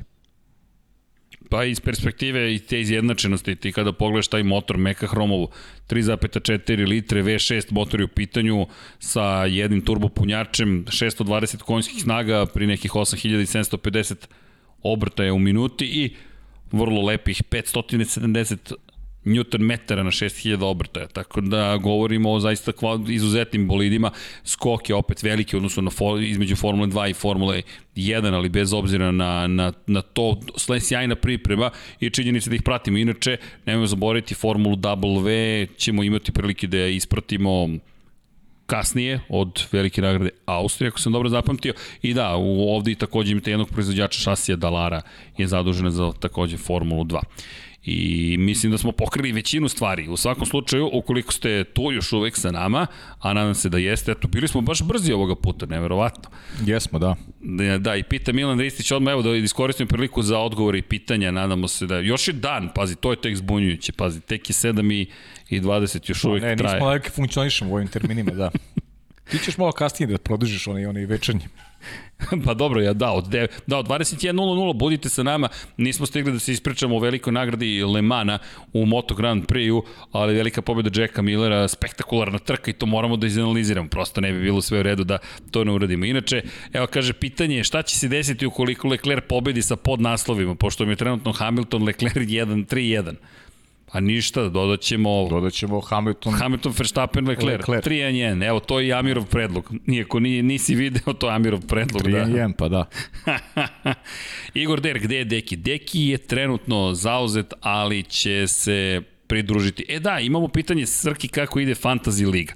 Da, moramo da ispoštujemo, to smo baš pričali Dom Pablo i ja, moramo da ispoštujemo Fantasy zašto? Pa imamo zvanični Fantasy Lab 76 i nekako nikako da se pozabavimo njime, da porazgovaramo o tome kakva je situacija u Fantaziju. I ja moram priznati da kao predstavnik zvanični Lab 76 i nisam se baš proslavio, moram Nisi da ti... Ja. Pa nisam. Nisam, volao bih da ti kažem, negde držim palčeve da je to samo zbog toga što još nisam koristio dovoljno mega driver i slične situacije, ali istini za volju, bojim se da je nešto drugo problem. I evo da, da, da se pozabavimo ligama kada već je postavljeno pitanje kako ide liga. Evo, Liga Lab 76, official liga, 543. sam trenutno. Od 700... to je Vanja. I to je. I se dobijaju bodovi Od 789 takmičara. E, ali pozdrav svima. Se ne dobijaju bodovi za 543. Slušaj ko je prvi, evo pohvale. Milenković GP, Višnja M. Opa, Višnja, bravo Višnja, Formula W uživo. Dama bravo. vodi trenutno. Bravo za Višnju. 823 poena. Bogdan Team 3 na poziciji 2, Bogdan S. 815 bodova i treće mesto Lazar Team 1, Lazar P. 807 poena. Bravo. Bravo. Koliko ti imaš? 12 poena? Dobro, Pavle, hvala ti na tome. Malo se šalim, ajde. Hvala ti. Ja ukupno imam 561 poen. Ali, ali odmah da se razumemo, samo da znaš zašto. Nisam još koristio mega drivere, nisam još koristio ništa od tih dodatnih opcija, tako da ja ću u nalet da imam Polako, tek ka, ti te, pa je. da. Tako A, je, Pavle. Mnogo je važnije kako ćeš biti u drugom delu sezone. Pusti ovaj prvi deo, to je... Tako je. Ali moram da ti kažem da na prethodnoj trci bilo je tako, problematična je situacija bila. Dobro. dobro. Bila je problematična situacija, moj drugi tim bio je loš, a prvi tim za nijansu nešto bolji, međutim Cunoda me mnogo koštao. Duboko sam verovao u Cunodu, to se ipak nije nije pretvorilo u neku preteranu radost, ali dobro, nadajmo se da će biti bolje. Inače, ukupno u prethodnoj trci 107 poena sam osvojio. I to mi je čak drugi tim je bolji. U, slušaj ovo, tim broj 2 mi je uspešniji, 561. Leclerc, Perez, Sainz, Schumacher, Russell i Mercedes. Opa. A u ovom prvom timu Hamilton, Tsunoda, Russell, Latifi, Schumacher, Mercedes, 107, 160 poena u prethodnom. Pazi sad, i ostavljam Sainca kao turbo vozača za ovu trku. I sa Leclerom i Perezom dominacija. Dominacija. A Mercedes to znam da će osvojiti neke poene i... Imaš podršku. Ali pazi, 160 poena, nije to toliko grozno. Bez nije, nije, mega drivera. Dobro. Ali pohvale onima koji vode u ligama. Naravno. Inače, da bacimo pogledi na ostale lige, dakle, u globalnoj ligi sam 673.300 od 881.000 takmičara. E, okej. Okay. Ne, pa dobro, to je velika konkurencija, znaš. Imam jednu ligu gde sam sam takmičar, tu vodim. Bravo, Srki. Pa bravo. Ponosan sam na tebe. Evo, no, je, vidiš kako sam uradio dobar bravo, posao. Ali eto, pohvala onima koji vode. Da kaže, resničan, ja imam 429 poena, s tim da sam propustio Bahrein. Da stavi Leklera za možda turbo drive. propustiš trku, ne. da, da, ne, da, u da, da. Da, ali ajde da se pozabavimo pitanjima. pitanje. E, ima Deki Ima. Andrić jedno lepo pitanje. Da. Kaže da ste srđani ti vlasnik po jednog tima. Koga bi doveli za šefa? Wolfa, Hornera, Binota, Frenka i ostale da ne nabrajam, da ih ne nabrajam sve. Imali smo, ja mislim, to pitanje. Andreas Zajdl, ako su od ovih sadašnjih. Pa ja nisam shvatio da je samo sadašnjih, ja bih doveo ili Brona ili Dominikalije. Ili da meni Kalije. Zanimljivo. Ne znam, Ron Dennis možda. Ron Dennis je isto Da. sjajno, veče, sjajno rešenje. Šta je ovo? Nisam dobio notifikaciju za live, a vidim po broju publike da nisam je kafe 7. Ne znamo. Ne znamo zašto nije bilo notifikacije. Ne znam, jesmo zakazivali Vanja u utorak pa otkazali? Ne. Ne znam. Možda je YouTube. Aha, možda je neko uložio žalbu na, na, na podcast. Da, ne, ne znamo šta se desilo, izvinite, možda je YouTube navikao na, na utorak da imamo Moguće. podcast, ali eto, činjenica da moramo da sada, u, čim se desi nešto što ukazuje na potencijalni COVID, moramo da napravimo pauzu. Šta kažeš? Jesmo to uradili? Pa moguće, od, zakazali smo pa smo onda otkazali, pa je moguće da nas je YouTube Ne, zakazali kaznio. smo, sigurno smo zakazali. Da, ako smo zakazali pa otkazali, moguće da YouTube rekao ovi nisu dovoljno ozbiljni. Mada, neka pogleda kanal, shvatit će da smo ozbiljni. Može li po vama Aston Martin do bodova? Može. Može, može. Do bodova može. Može. Sad, koliko je to dobro za njih, mislim, to je sad diskutabilno. Da. Boris Trutin ima ali par pitanja, kaže, par sitnica za za kasnije, Borisa. kaže, da. Kaže, da li računate Australiju 2020. bili ste u studiju? Da li računamo? Ne znam šta je mislio, da li računamo 2020. Australiju, bili smo, ne, ne računamo ako misliš na broj trka koje smo radili, ne računamo ovaj sigurno. Aha, aha, aha, ne, bili smo u studiju. Da, Ne, ne, ne, ne računamo, računamo, ne računamo. ne. I kaže, za kasnije je NASCAR, on bi volao da malo I prokomentariše. Hamza njega. Hadžić to isto traži. Da, kaže, čemu, čemu služi trogo na stazi koji ne smije da zgazi prilikom koušana i šta rade sa onom kurblom na zadnjem staklu prilikom pit stopa? A, To prilikom... je pode, pa, podešavanje. Da, pa d- zapravo menjaju tvrdoću opruge. Jeste. Imate kod Naskara, od trenutne generacije Naskara automobila, samo jedna strana je zapravo tako podesiva i u suštini vi tu podešavate torzijonu oprugu koja se nalazi pozadi, to je tvrdoću to, i e, u suštini utičete na ponašanje zadnjeg kraja bolida. Jeste. Jednostavno menjate ponašanje i o, to je način na koji menjaju. Kao što menjaju podešavanje bolida u Formuli 1 na prednjem kraju, kada uzmu pa bukvalno podižu ugao ili spuštaju ugao prednjeg krila, obično to, možete da vidite prilikom zamene guma, tako isto stave kurblu, vrte praktično i menjaju tvrdoću oslanjanja. Jeste. I šta znači, o, kaže, šta znači one, mislim, nešto sam, sad sam zaboravio šta sam ovaj, trogao na stazi koji ne smije da zgazi prilikom koušana. Trougao na Ne mogu- stazi, ne- ne- koji ne ne, mogu da se- setim na koji trougao se to ja. sad odnosi. Ne smiju da zgaze, da ne smiju sam- da zgaze na, one, na ulasku u pit lane. Da, ali imaju A, i ne a ne, ne znam koji trogo na stazi ne smiju da zgaze. Baš ne mogu setim ja. Ne znam na koji trogo misliš, Boris, ako imaš podsjeti, eto.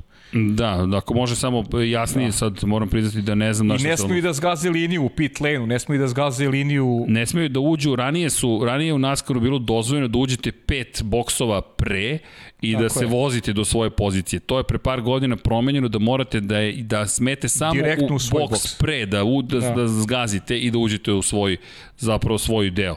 Tako da je to promenjeno, ali ne znam sad konkretno na što se odnosi na, na, na, na pitanje Pa ako za... sluša Boris neka, neka, ovaj, neka... Da. Aj kad smo već kod Naskara, samo Da, ću- to sam htio da iskoristim da, da priliku. iskoristimo priliku jer je zaista dobar povod. e, Da ova prethodna trka a redkost zaista e, da, da četiri vozača iz iste ekipe budu među četiri najbolje. I to, a, a nisu vozači Joe Gibbs Racinga. E, Hendrik Motorsport je dominirao četiri, četiri prve pozicije, pobjed Aleksa Bomana i Karl Larson, nešto mu se dešava u karijeri mnogo puta da je dobio oba prva uh, obe prve etape, a na kraju je bio drugi.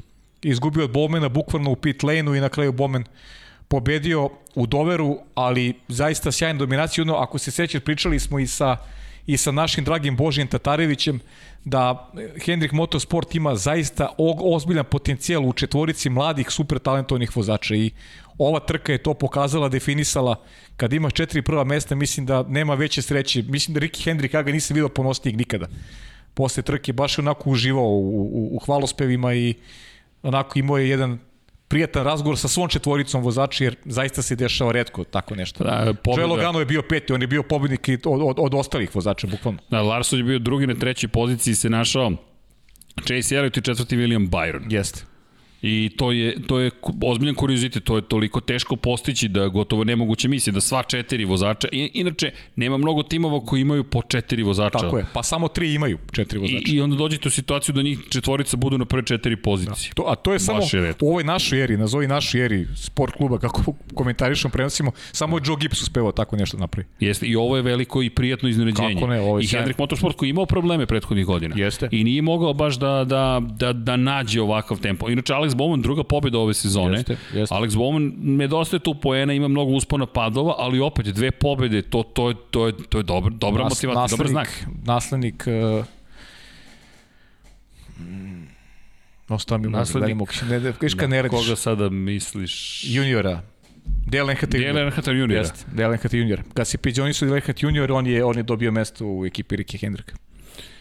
Da, inače upozorava me, upozorava, upozorava me Vanja i Dom Pablo da sam zaboravio jedan ceo segment. Hvala. To su godine. Ne, vadit ćemo se na to da, da imao sam stomačni neki grip, ne znam nije šta sam imao. Mogu da kukam ovde uživo. Šalim se, sve je u redu.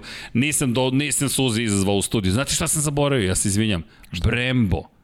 Brembo, Vanja, pusti video, pa ovo je podcast, naš je podcast, nadam se da će publika uživati, da bacimo pogled na najsnažniju tačku kočenja u Monaku. To je ipak lep deo priče i hvala Brembo. Inače, dobili smo eksplicitnu dozvolu da obrišemo engleske glasove, pošto nemaju čistu verziju i da ubacimo na našem jeziku. Pa eto, 3337 metara dugačka staza, 78 krugova, treba da bude 76.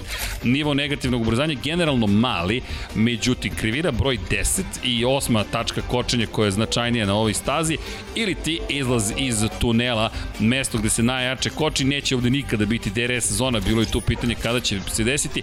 121 metar za osnovni put, 2,47 sekundi traje, kočenje, opterećenje na pedalu kočnice 146 kg, negativno ubrzanje minus, to jest 4,6 cile zemljine teže, 217 km na čas i umanjenje brzine i kao što možete videti oslobađa se 2325 kW energije. Fascinantno i dalje to krivina preko 300 km na čas na izlazu iz tunela, na izlazu iz tunela 90 kg na ulasku u šikanu. I baš je ozbiljno mesto kočenja, ono što je poseban tu problem, dosta neravnina, Sergio Perez je to upoznao pre 10 godina, sređena je staza umeđu vremenu, ali da je 2011. incident, jest. užasan incident, nije vozio trku uopšte. Tako je, i ni sledeću čak nije vozio. Ni sledeću nije vozio. U Kanadi isto nije nastupio, a udarac koji je Zauber je već imao jedan grozan sličan incident 1994. Karl Wendlinger, i to je par nedelja posle, nažalost, stravične, stravičnog vikenda imali tragične smrti, što Ayrtona Sene, što Rolanda Ratzenbergera, ali srećom 2011. Sergio Perez oporavio se, evo ga 10 godina kasnije. Ako se dobro sećam, imao i Niko Rosberg izlasku iz tunela incidenta. Tako je, ista situacija. Ne znam da li je baš to bilo 2011. Nije 11. ali je možda, izgubio... Možda 2012. Ili 13. Ili 13. čak. Mislim da su već se promenile boje Mercedesa, ali znam da mu je pobegao zadnji kraj da je zapravo tako izgubio kontrol nad bolidom zahvaljujući činjenice su ozbiljne neravnine. I izlaz iz tunela je označen nizbrdicom. Vidite, nizbrdo, na ozbiljne neravnine na samom asfaltu i ukoliko tu izgubite kontrolu, kao što je Sergio odleteo u desnu stranu, udario zid, samo nastavio pravo. Inače, tu je poboljšana sada zaštita jedan deo piste davno, davno, 95. još otvoren kako bi mogli da otklizaju iz tunela, kako ne bi samo nastavili odbojnu odgradu i danas smo videli Mika Šumahira kako tako nastavio pravo, pa izazvao crvene zastave, ne sme boli tu da bude parkiran, a da se dalje održava trening. I za virtualno vozilo bezbednosti nije mnogo čemu služilo s obzirom na činjenicu da su bilo poslednja 2-3 minuta treninga, tako da je Michael Masi odlučio da direktor trke da se ne nastavi trening.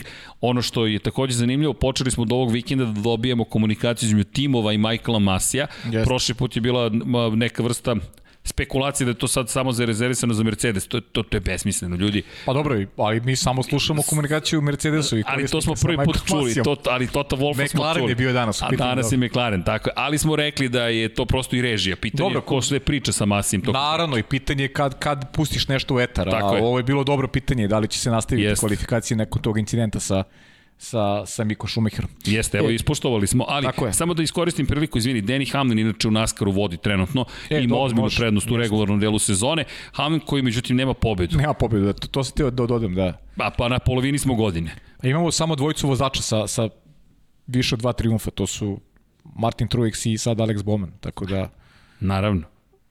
Misliš na, na Truex. Na, naravno.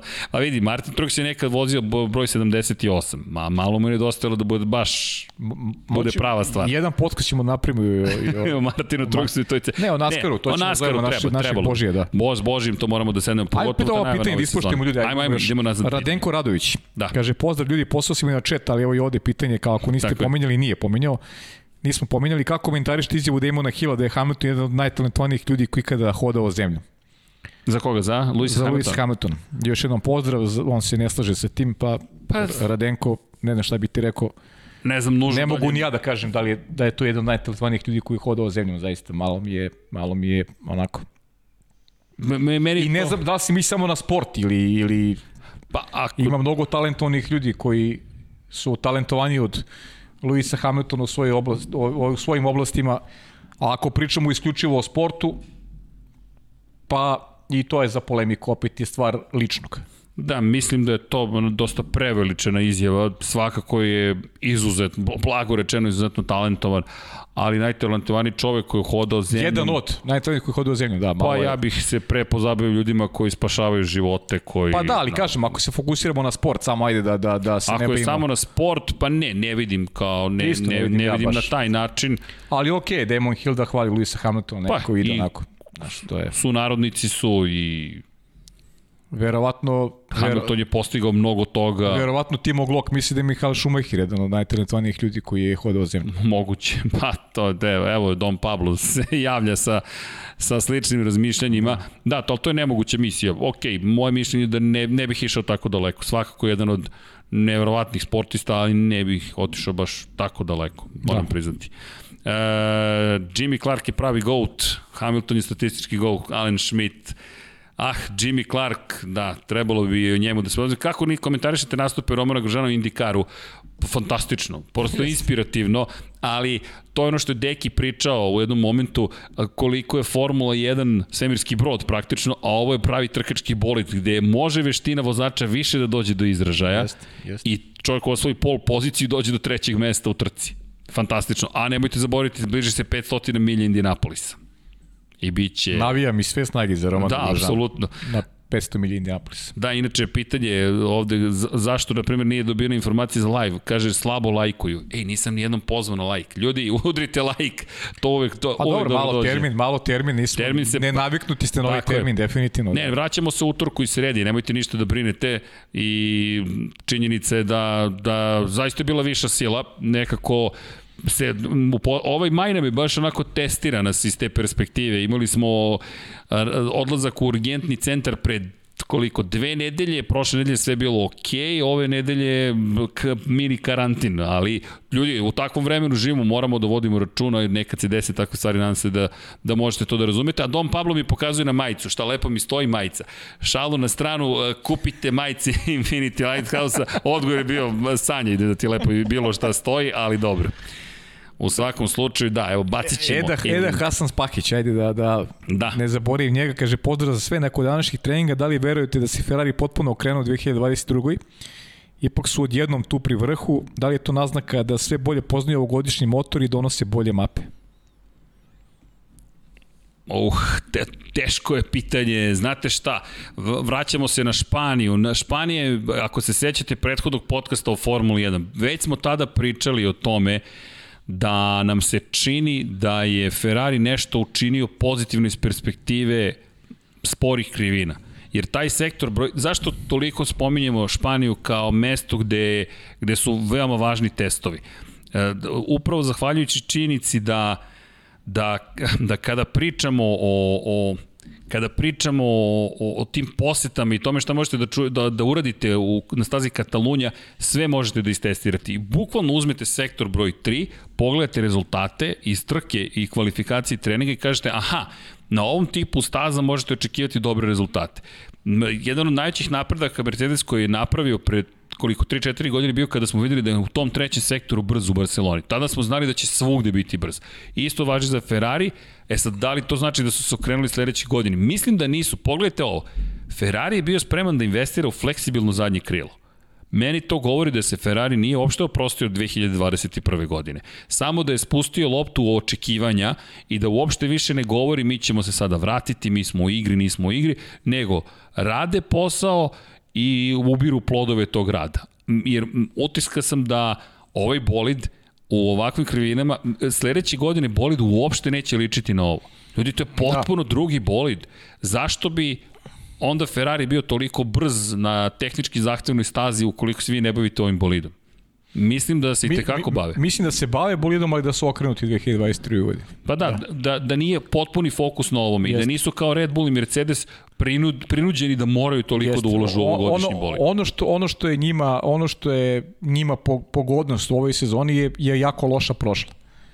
I, i nekako i o njima pričamo sa, sa više respekta, mislim kao timu trenutnom, ne, ne o istorijskom smislu, nego kao trenutnom timu zbog toga što je prošla godina bila ne razočaravajuća, nego užasna, možda najgore u istoriji. Ono, izgledali su zaista kao, kao dva traktora na stazi, ono, baš, baš jezivo za gledanje.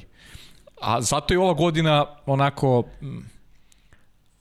bolja, mnogo bolja za njih i onda je naravno i fokus svih navijača Ferrarija pogotovo značajno veći i gledaju to sa većom pažnjom i zadovoljniji su ostvarenjima, pa možda i neke propuste sada više tolerišu s obzirom da su svesni da, da, da Leclerc i Sainz mogu bolje.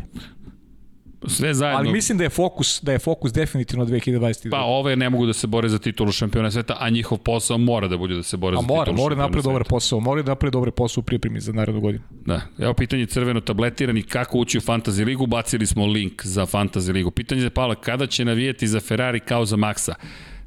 Srđani iskoristi ovo za tih 12 bodova od malo pre. ja mogu samo da navijem, samo Sena ovaj, je taj koji je meni budio tu vrstu emocije, ovo ostalo je Ja sam, da. ovde sam profesionalac skroz.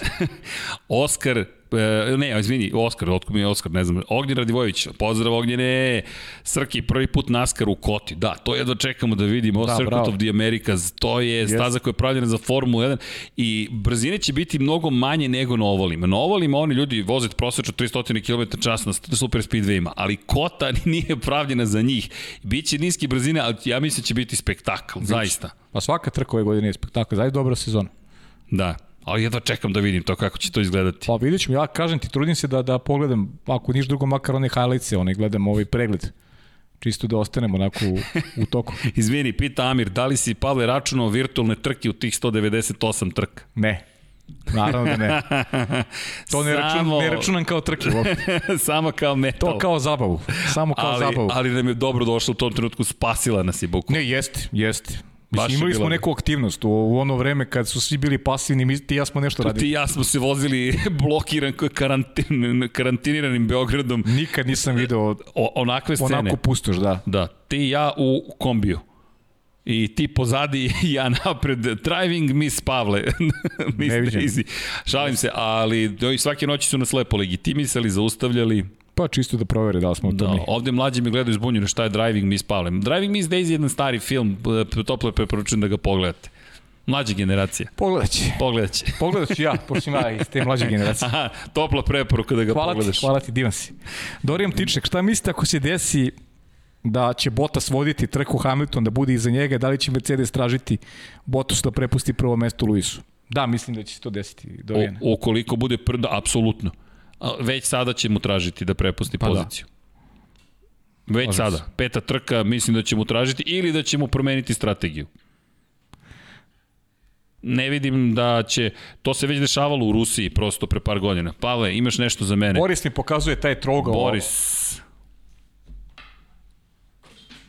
ne, da, moram priznati šta, da, ne, da nisam, ja nisam siguran da li je to odvajanje, ali proverit ćemo. Evo, Boris je ne znam odgovor, ali... I mi veruješ da, da imam utisak to prvi put vidim? Daj. Da, moram priznati da nisam vratio pažnju. Možda je neki znak. Možda nešto novo. Da, ne znam.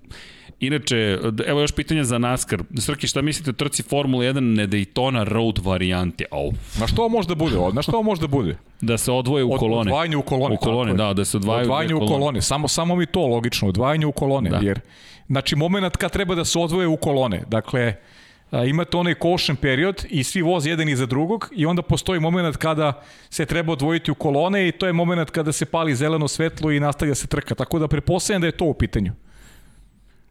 Evi, Za kurbu smo ti rekli šta je, da. a čini mi se da, ovo, da je ovo u pitanju. To, to je naš utisak ovakva da. anketa. Ali pitaćemo naravno koga, Božija Tatarevića. Pa Božija, naravno. Naravno, Boži Bog.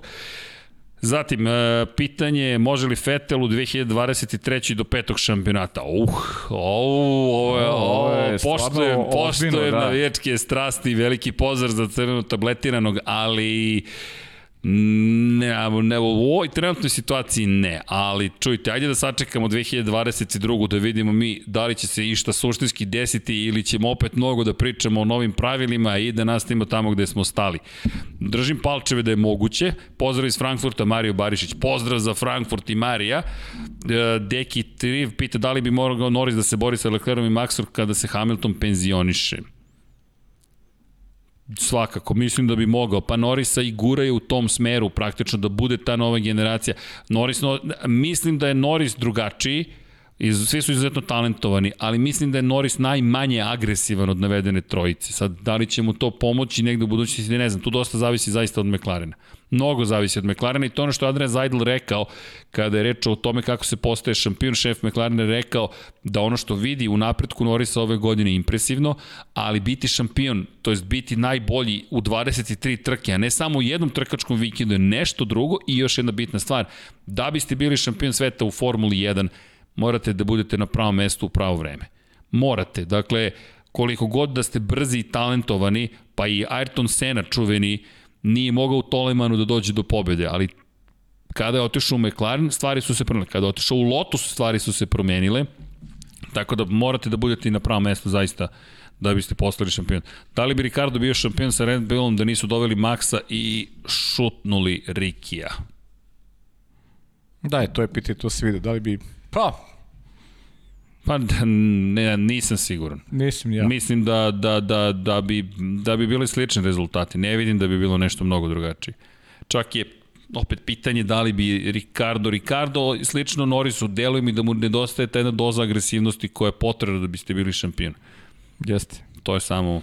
A Andrej ima ovak jedan pogled koji je onako prilično eksplicitan i morati priznam Andrija da se ja delimično slažem sa tobom. Da on malo poredi neku, neku futbolsku priču, neću ja da je pripričavam uopšte, zato što mislim da, da nije bitno za ovaj naš podcast, imamo, makar ja znam kad je futbol u pitanju, možemo milion takih primjera da navedemo Andrija, ali generalno mislim da se treba, evo sad pričamo, da pročitamo njegovo uh, zapažanje, uh, smatra da bi Red Bull, apropo zadnje krila i svega onog što se dešava vezano na aktualnu tenu, menjanje pravila u toku sezone, kako to odgovara suparnicima, da treba neko da stavi do znanja da ne želi da učestvuje u tome, pa pocenju neučestvovanje.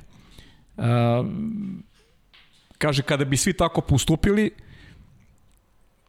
da bi došli do nekog, do nekog rezultata i da bi uh, ne bi opala gledanost Formule 1, da bi takmičenje bilo interesantnije kada bi ljudi pokazali stav u nekim situacijama, da da ne može jedan tim da dobija te političke bitke u kontinuitetu. E sad, ja jesam eksplicitan takođe po tim pitanjima, vezanim za, vezanim za, za, za sistem takmičenja i za promene u sred sezone. Rekao sam u jednom momentu da zaista to ne podržavam jer smatram da, da se to onda kosi sa, regula, sa nečim što se zove regularnost.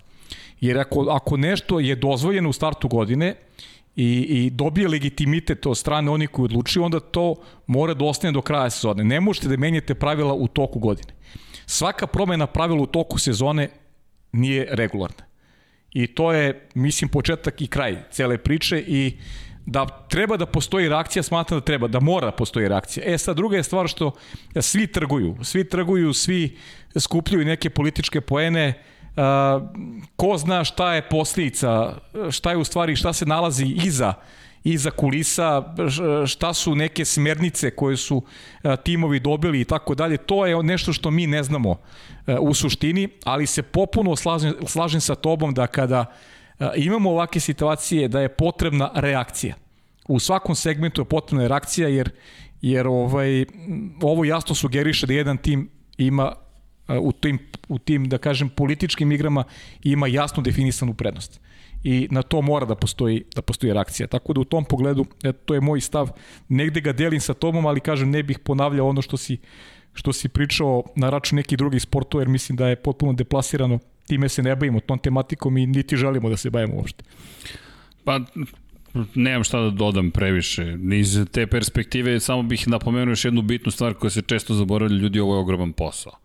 Ljudi, ovo je ogroman posao i... I ozbiljan novac je Tako je, i ozbiljni ugovori i pitanje je šta smete, šta ne smete da uradite. Nemojte zaboraviti da ovo nasledđe i Bernie Ecclestona koji je dok, dosta diktatorski vodio celu priču i ukoliko biste se zamerili, bili biste ozbiljno kažnjeni ogroman novac je u pitanju i to nije interes više samo nekolicine ljudi. Mi govorimo ovde o interesima koji sežu dosta daleko. Evo Aston Martin, mi pričamo o timu Formula 1 Aston Martin, ali se i tekako pita izvršni direktor same kompanije Aston Martin, kome se mediji već obraćaju s pitanjima da li žali što su angažovali Fetela, da li žali što je ušao u Formulu 1, gde on kaže ne. Zašto? Za početak, izbegao je za Fetel odgovor, jer rekao je ja ne učestvujem u tim odlukama, zna se ko vodi ekipu, Lorenz Stroll se bavi time, on to izvrsno radi, tačka. Međutim, iz perspektive Aston Martina samo jedna napomena, čak i sa ovim lošim, veoma lošim rezultatima, koliko puta je samo u Lab 76 izgovoreno Aston Martin. Aston Martin. A ako se bavite marketingom ili, po, ili analizom poslovanja kompanija, robna marka, žig, brand je jedna od najskupljih, svakako najvrednija stvar koju imate. Koliko god to zvučalo banalno, mi smo prosto ljudska bića i nesavršena smo. A, ajmo da pojednostavimo stvari, da mi ovde koliko nas ima, ima nas petoro sada, deo smo ovog tima i sad imamo ekipu Formula 1 Lab 76, imamo ekipu Formula 1, imamo sponzorske ugovore koji su preko, ne znam, 2 miliona evra, nemam pojma. I ti sad to treba da rizikuješ Nije tako jednostavno Nije jednostavno, da. Kompleksni su odnosi. Da, ti odgovaraš sada, ti si nekome dao reč da ćeš biti prisutan negde ti taj neko od tebe očekuje rezultate, jest, taj jest. neko očekuje od tebe da nešto učiniš. U, u krajnjem slučaju očekuje od tebe da budeš tu. Tako je. U krajnjem slučaju. Znači, to je njemu, to je njemu adekvatna reklama. Ti si u naj, najboljem takmičenju automotosporta na svetu. Izvini, Pavle, evo Bitburger. Bitburger je bio sponsor ekipe 1994. je bio sponsor ekipe Benettona evo, ajde, ne reklamiramo nikoga, ali da, evo, imamo jedan, jednog sponzora, imamo drugog sponzora, evo Benetton, ajde, oni se baš zovu Benetton. Benettonu to još uvek stoji. I dan danas to stoji. Dakle, to dan danas stoji. Sad zamislite neko ko je sponzorisao Williams 1992. godine i neko kaže, znaš šta, mi se nećemo pojaviti na trci. A nećete se pojaviti na, to je takozvani breach of contract ili ti prekršili ste ugovor. I tako da kažem, nije toliko jednostavno dovesti sve igrače na taj nivo da, da će stati za tako jedne odluke.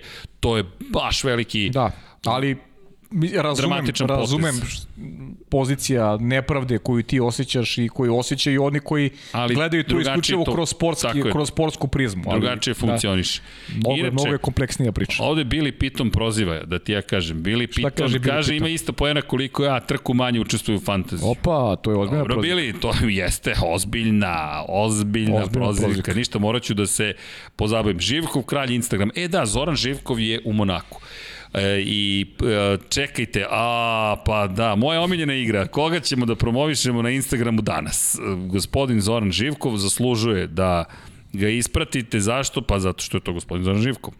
Da li će biti u emisiji sledeće nedelje? Ne znamo, polako, svaki put kada A u, sad znam zašto ga hvale na Instagram. Zato što ima jednu sjajnu sliku iz Marine, kako svoj, njegov selfie iz Marine je potpuno savršen. I ja sam siguran, ne, ne, ne, čekajte, ako sada ne lajkujete ovaj video, kada pogledate Instagram gospodina Zorana Živko, onda... Nikad nećete. Nikad nećete. Dakle, naravno ovo je specifična jedna tema, ljubitelji Formule 1 i naravno reč je o Marini u Monte Carlo. Vladimir Beška poslao 5 evra. Hvala Vladimire. Bravo Vladimire, hvala, hvala. Da, to je nečunimo. Slobodno kupite majice. Šta? Ne, ne, ne, ne, ne razumem.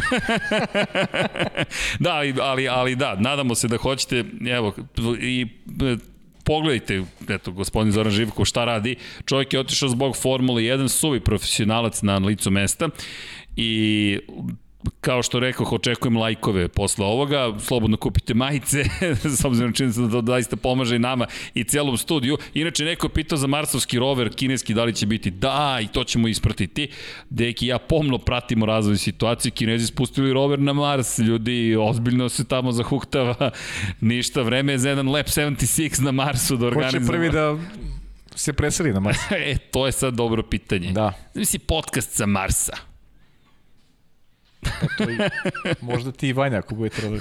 pa jedino Vanja će to da dočeka. Ja da Planiram da putujem tako daleko. to će Vanja, jedini može da moći da radi. Vanja, sećam se kada sam radio sa Živkovićem. Ako otvore neku dobru kafanu na Marsu. Da, e da, i Andrej je u Monaku, Dijana Dobričić podsjeća, tako da ne zaboravimo i gospodina Andreja Isakovića. Dobro, Andrej je da. redovan. Da. Milan Đurišić pita, može li Pina do podijuma ove sezone i ako da, koji je vozač? Pozdrav za ekipu. Esteban Okon. Moj tip za podijum. U Alpini? Da. Da, apsolutno. Da, apsolutno. Alonso, pa i Alonso je sam rekao, mojih 100% trenutno nije dovoljno da, da, da, da, da se takmičim sa Estebanom Okonom. Evo da pošaljemo i za gospodina. Sada, eh, Evo, kaže, 500 ljudi vas gleda, 250 lajkova Edvin Edo. Ne znam Edvin, evo ja se pitam. Tako, da, da, to, to se pitanje. Elem, šta smo propustili od pitanja? Da li mislite mogli postati jedan podcast ili makar deo podcasta o našoj formuli uh, sa gospodinom Živokom kao, kao gostom? Pa tu, uh, pričali smo mi o toj formuli, to je bila jedna velika priča, nažalost nije bilo tu suštine da će se to, nažalost, desiti, ali bilo bi lepo da se zaista uh, da se zaista to dogodi. E, pogledajte, ovde sad koleg, koleginica Zoranova prikupila pažnju. Mislite li da sa novim formatom sezone, čak 23 tri trke, vrednost svake pojedinačne trke opada i da samim tim opada šansa da nominantni timovi dožive kiks? Stefan Ilkić. Pa, pa ima rezona. Ima rezona, da, ima rezona. Ima rezona. Ima, jednostavno izgubite pet trka, vi dalje imate 18 trka u kojima možete da nadoknadite. Pa mi to malo romantično gledamo, nama, nama onako broj trka nam je super zato što imamo da. više prilika da gledamo, eto, da, da, da uživamo, ali i, i te, kako si ti postavio pitanje i te kako ima rezona. Da, ali, ali ljudi i sami Jer ste koncentracija veća, fokus ljudi, sigurno veći. Novca je mnogo više. Pa da, pa da. Čim je, e, postoji, ta, to, tome stalno pričamo, da se ne ponavljamo previše, ali kratko, postoji granica kada po, to postane previše novca jer interesi onda odu na toliko mesta i toliko se razgranaju da suštinski više nema mnogo veze sa sportom u koji smo se mi uh, zaljubili. Prosto izgubi se to. O to je Deki lepo rekao. Moto Grand Prix u ovom momentu je na, u toj jednoj lepoj zoni. Dovoljno para, ali ne previše. Para interesovanje. I, i gledam po, na način na koji ljudi posmatraju Moto Grand Prix da podsjeća na tek zlatne 80. početak 90-ih, kraj 90-ih u Formuli 1, kada si još uvek imao te bitke razmišljaju na jedan malo drugačiji način, gde je Hakinen posle nezavršene trke sedne na ogradu, a spusti noge na bolid, gde ti krajem 80-ih imaš, ne znam, Tjerija Bucena koji glumi taksi. Ljudi istračavaju iz bolida, skaču na bolid, hvataju se za usisnik i voze se. ali mislim da MotoGP nema, nema prosto priliku da se promeni, znaš. Znaš, nema moguće. priliku da se promeni. To je, to je, znaš, imaš jasno, jasno neke definisane stvari. Znaš, imaš trku koja traje koliko traje, 45 minuta sedneš, što bi rekao naš drugar Dule na metlu i, i 45 minuta voziš. Da, inače Dule je znaš, motociklista koji je šest meseci probao u koritu, koritu jedan od najvećih da. poštovalaca Moto Grand Prix-a i on kad kaže na metlu, to ne misli na koji loš način. Ništa ne, taman posla. Ne, nego, jednostavno, ne, pa on je posle, i dalje je na vozaču. Kad izašao iz korita, on je sve na motor opet. Ne, on je to jutro pa, da, sve na motocikl. Tako da, u, u najpozitivnijem smislu, da. on, to, on, on to živi, on to, to voli. Ali, Moguće da je prosto to pozitivna strana što ne možeš da uteraš ne, više ne možeš, ne možeš, to je to jednostavno, to je to je tako i sport da. je takav, ne, ne, znaš, ne mogu stvari da se kako da ih promeniš, mi šta treba da uradiš da bi ih promenio, znaš. A ovde je, znaš, formula je podložna tim promenama i koliko smo tih lepih pravila izgubili s godinama zato što prosto i negde i tehnologija napreduje i ljudi traže nešto novo i nemam pojma, znaš, to, to su baš kompleksne stvari. Ja ovde ne vidim prostor za neku drastičniju promenu, znaš, taj neki romantični deo trkanja će ostati uz, uz, uz MotoGP, zato što prosto, kažem, ne vidim, ne vidim način da se stvari promene. E, ima zanimljivo pitanje, koja nam je najbolja trka u Monte Carlo? Pa ja sam rekao koje, a misliš naša koji smo radili šta? Ne, po vam, po nama najbolja pa trka. Pa meni 88. godine, rekao sam, ali ja isključivo iz tih razloga Ayrtona Sena, koga sam ne znam, ja sam zavolao formulu zbog Sene i taj njegov način ponašanja u toj trci i želja da pobedi proste za ceo krug. Činjenica da ne sluša Rona Denisa koji mu kaže da uspori, on vozi na maksimumu da bi obišao proste za ceo krug i to je, to je taj neki pristup koji ja prosto volim. To, zato sam i volao Senu što je bio takav. Znači nije spustio pedalu gasa i rekao ok, zadovoljit time da budem prvi. Ne, hteo je da najveći grivala ponizi. I to je to. Zato mi ta trka najdrža, iako Sena nije pobedio na toj trci. Da, na, na kraju dana ostaje ta upamćena trka. Meni moram priznati da iako to je delić istorije, 1996. mi je uvek u glavi, prosto ta pobeda Olivija Panisa i sve što se događalo tokom cele trke, ali zaista dosta pamtim tu 1995. godinu i prosto kada, kada pogledam kako su kako su razmišljali, kako su se ponašali u, u, u Benettonu i kako su odneli pobedu, gde je na kraju Schumacher imao 35 sekundi prednosti u odnosu na Damona Hilla, nešto što mi zaista ostalo u glavi, prosto način na koji možeš da u trenutku kada si spori, Hill je u kvalifikacijama imao prednost od skoro cele sekunde, 8 desetinki prednosti imao u odnosu na Schumachera.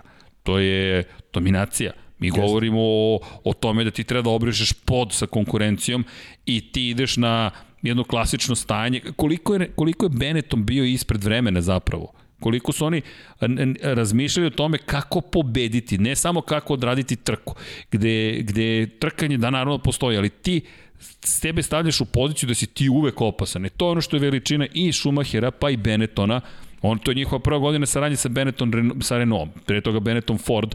Meni to ostalo zaista u sećanju. Seća se tih kvalifikacija. Gledam je ko, u Hill, kao juri tu prvu pobedu u, u Monaku, otac njegov ima pet pobeda, da li može da dođe do tog sna. 1996. je vodio, pa mu je stradao Renault motor i Schumacher onda koji nalazi rešenje i kaže, nema problema, menjajte vi gume, mi nećemo i, i, i, i pobedi sa 35 sekundi prednosti čoveka koji ima u rukama 8 desetinki u Monaku. Meni je to ostalo kao jedan onako ozbiljan potez koji je izvela ekipa Benettona. Eto, nadam se, nadam se da smo odgovorili, ali eto, to su te neke stvari koje, ali ima ih zaista mnogo. Da, pogledajte Drive to Survive, svakako. Mogli biste napraviti Lab 76 A Day in Life of Srđan Paja na dan trke, neku kameru da zakačite na sebe i snimate sve od kako uđete u redakciju nedelju, pa šta sve radite tokom trka i posle toga. Bolje ne. Ša, šali. Taj, da, taj predlog egzaktno odbijam. ne, ne, napravit ćemo nešto behind nešto, the scenes. Nešto drugo ćemo da napravimo hoćemo. mnogo interesantnije. To nam je u planu tako i imamo je. ideju, ali... Ali pot... možemo i tako nešto. Znate šta, tu, je, tu vam je dan MotoGP-a još luđi. Možda da napravimo dupli, kada imamo duple vikende pa posnimamo šta se sve zbiva. Pa to je interesantnije tebi da, da radiš zato što ti trčiš iz kabine u kabinu, tako da, onako. Da, to ne znam nikako kako izgleda iz tvoje perspektive, verovatno pa, ne toliko izgleda, zabavno. Izgleda, kako bi ti rekao, navikao sam, pa ne izgleda... Pojavi se neki čovjek u pola to, da. prenosa i uđi, kao, i mogu ja da, da se pritrušim, navikao sam. Kao kuc kuc, izvini, mogu ja, izvoli. Izvi se samo. da, da. E, šta imamo još od pitanja? Da, neko je pitao ja ko prenosi nemam. NASCAR, NASCAR prenosi sport klub, mislim da je to i Da, sport klub od ove godine naš kolega Lukas Pasovski, možete eto uz, uz njegove komentare da da pratite ovaj da pratite da. NASCAR. Da. Pridružio nam se ekipi polako, ali do, doći će nam i on u goste.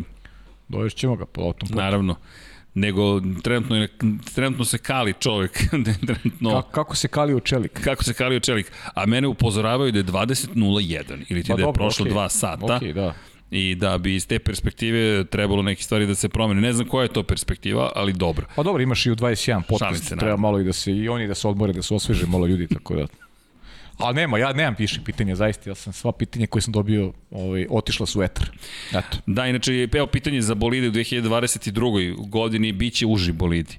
Dakle, bit će uži bolidi, to je, to je, to jest, neki aspekti, ne, ne, neke stvari će se, prednji kraj će se iz te perspektive promeniti, tako da će biti malo to drugačije, ali mogli bismo da napravimo kompletne dimenzije, da, da znate zapravo šta je to što nas čeka. Inače, ne postoji klasičan limit kada je reč o pitanju i o, u trenutnom pravilniku FIE o tome koliko bolid sme da bude zapravo konačno dugačak. Jednostavno radi se o tome koliko težine može da ide na koji kraj bolida i onda na osnovu međuosnovinskog rastojanja dođete do toga da dobijete neku izračunu dimenziju određenu ali za 2022. baš su velika pravila iz te perspektive da, spremit ćemo nešto da, da lakše prikažemo prosto koje su to dimenzije koje se menjaju, kako se menjaju, kako će to sve da izgleda i, i šta nam donosite, šta, šta zapravo donosi.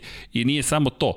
Ono što imate jeste standardizacija komponenti koji će se koristiti, e, načina koji menjaće se stvari zapravo mnogo po pitanju aerodinamike i ono što je cilj jeste zapravo da, na primjer, se ne ponavljaju trke u Barceloni iz godine u godinu koje vi pratite nekoga, ali zato što pratite ste u prljom vazduhu pa ne možete da ga napadnete, nego će doći do toga da zato pomaže što ste bliži nekome. To je, to je jedan od ciljeva onoga što se događa, da ne kažem baš da pomaže, ali da mnogo manji efekat ima zapravo taj prljavi vazduh. Da, nadam se da, nadam se da smo odgovorili na, na, na većinu. I Dijana ima predlog, onaj vikend kad Srđan prenosi MotoGP, Formula 1 i NFL u istom vikendu. To se zove šta da od, od čoveka do zombija. A imamo bolji predlog, bit ćete zadovoljni. imamo, imamo, nemojte da brinete. Znamo šta ćemo da uradimo. Neka Pavla pogleda pitanje na Instagramu, ali polako ćemo i da se javljamo, ajde baci pogled da vidimo šta tu još ima i mišljenje da li će pa Ferrari će se oni biti konkurentni, da li će biti bliže. Ljudi, nemoguće je sledeće godine. Verujte nam, nemoguće da bilo šta mi prognoziramo za 2022. Toliko su velike promene da, da niko ne može da kaže. Đukica pita da li bismo rekli mogli da vidimo to kabinu. Može, naravno. Zašto Onda ne želite baš da je vidite. to, toliko je mala, zapravo. Možda romantično to izgleda, ali dosta je mala. Da... Ja ne vidim stvarno, ne vidim pitanje ni jedno da nisam pročitao. Mislim da smo sve odgovorili. Zaista. To jest, da. Ali, ukoliko ovo slušate, ostavite komentar na... na, na, na... Evo, da li će Paja gledati sledeće godine MotoGP i Rosija na Ducatiju? Ako bude Rosiju Ducatiju, gledat ću. Eto, odmah ti kažem. Da, ali to je pretpostavka. Ali to ćete saznati od 21.00 zapravo. Napravit ćemo kratku pauzu mi, a Lab 76 broj 98 se pojavljuje od 21.00, s tim što će tu biti gospodin Dejan Potkonja, gospodin Živković ima neke obaveze, kao što sada je neke obaveze imao gospodin Potkonjak, kao što sam ja bio u mini karantinu prethoda dva da. dana, pa eto, oslobodili smo se u svakom slučaju. I nadamo se da, da ćete biti sa nama, zašto? Pa zabavna je bila trka iza nas, ispred nas je zabavna trka Formula 1. I vidimo se utorak. I vidimo se naravno utorak, kada je reč o ostalim stvarima, vodite računa jednim drugima, mazite se, pazite se, naravno, lajkujte, subscribe, udrite, posetite našu prodavnicu, kupite majice, ne znam da li sam još nešto, da li trebalo još nešto da promoviš. Lajkujte. to a, jesam, ali Lajkujte nema problema. Ali da, pre svega vodite računa jedni u drugima i naravno da, da nam bude lepša planeta, zato gledamo Automotosport. I veliki pozdrav cijela ekipe Infinity Lighthouse-a i Lab 76. Čujemo se uskoro, a naravno i vidimo se uskoro. Ćao svima! Ćao svima!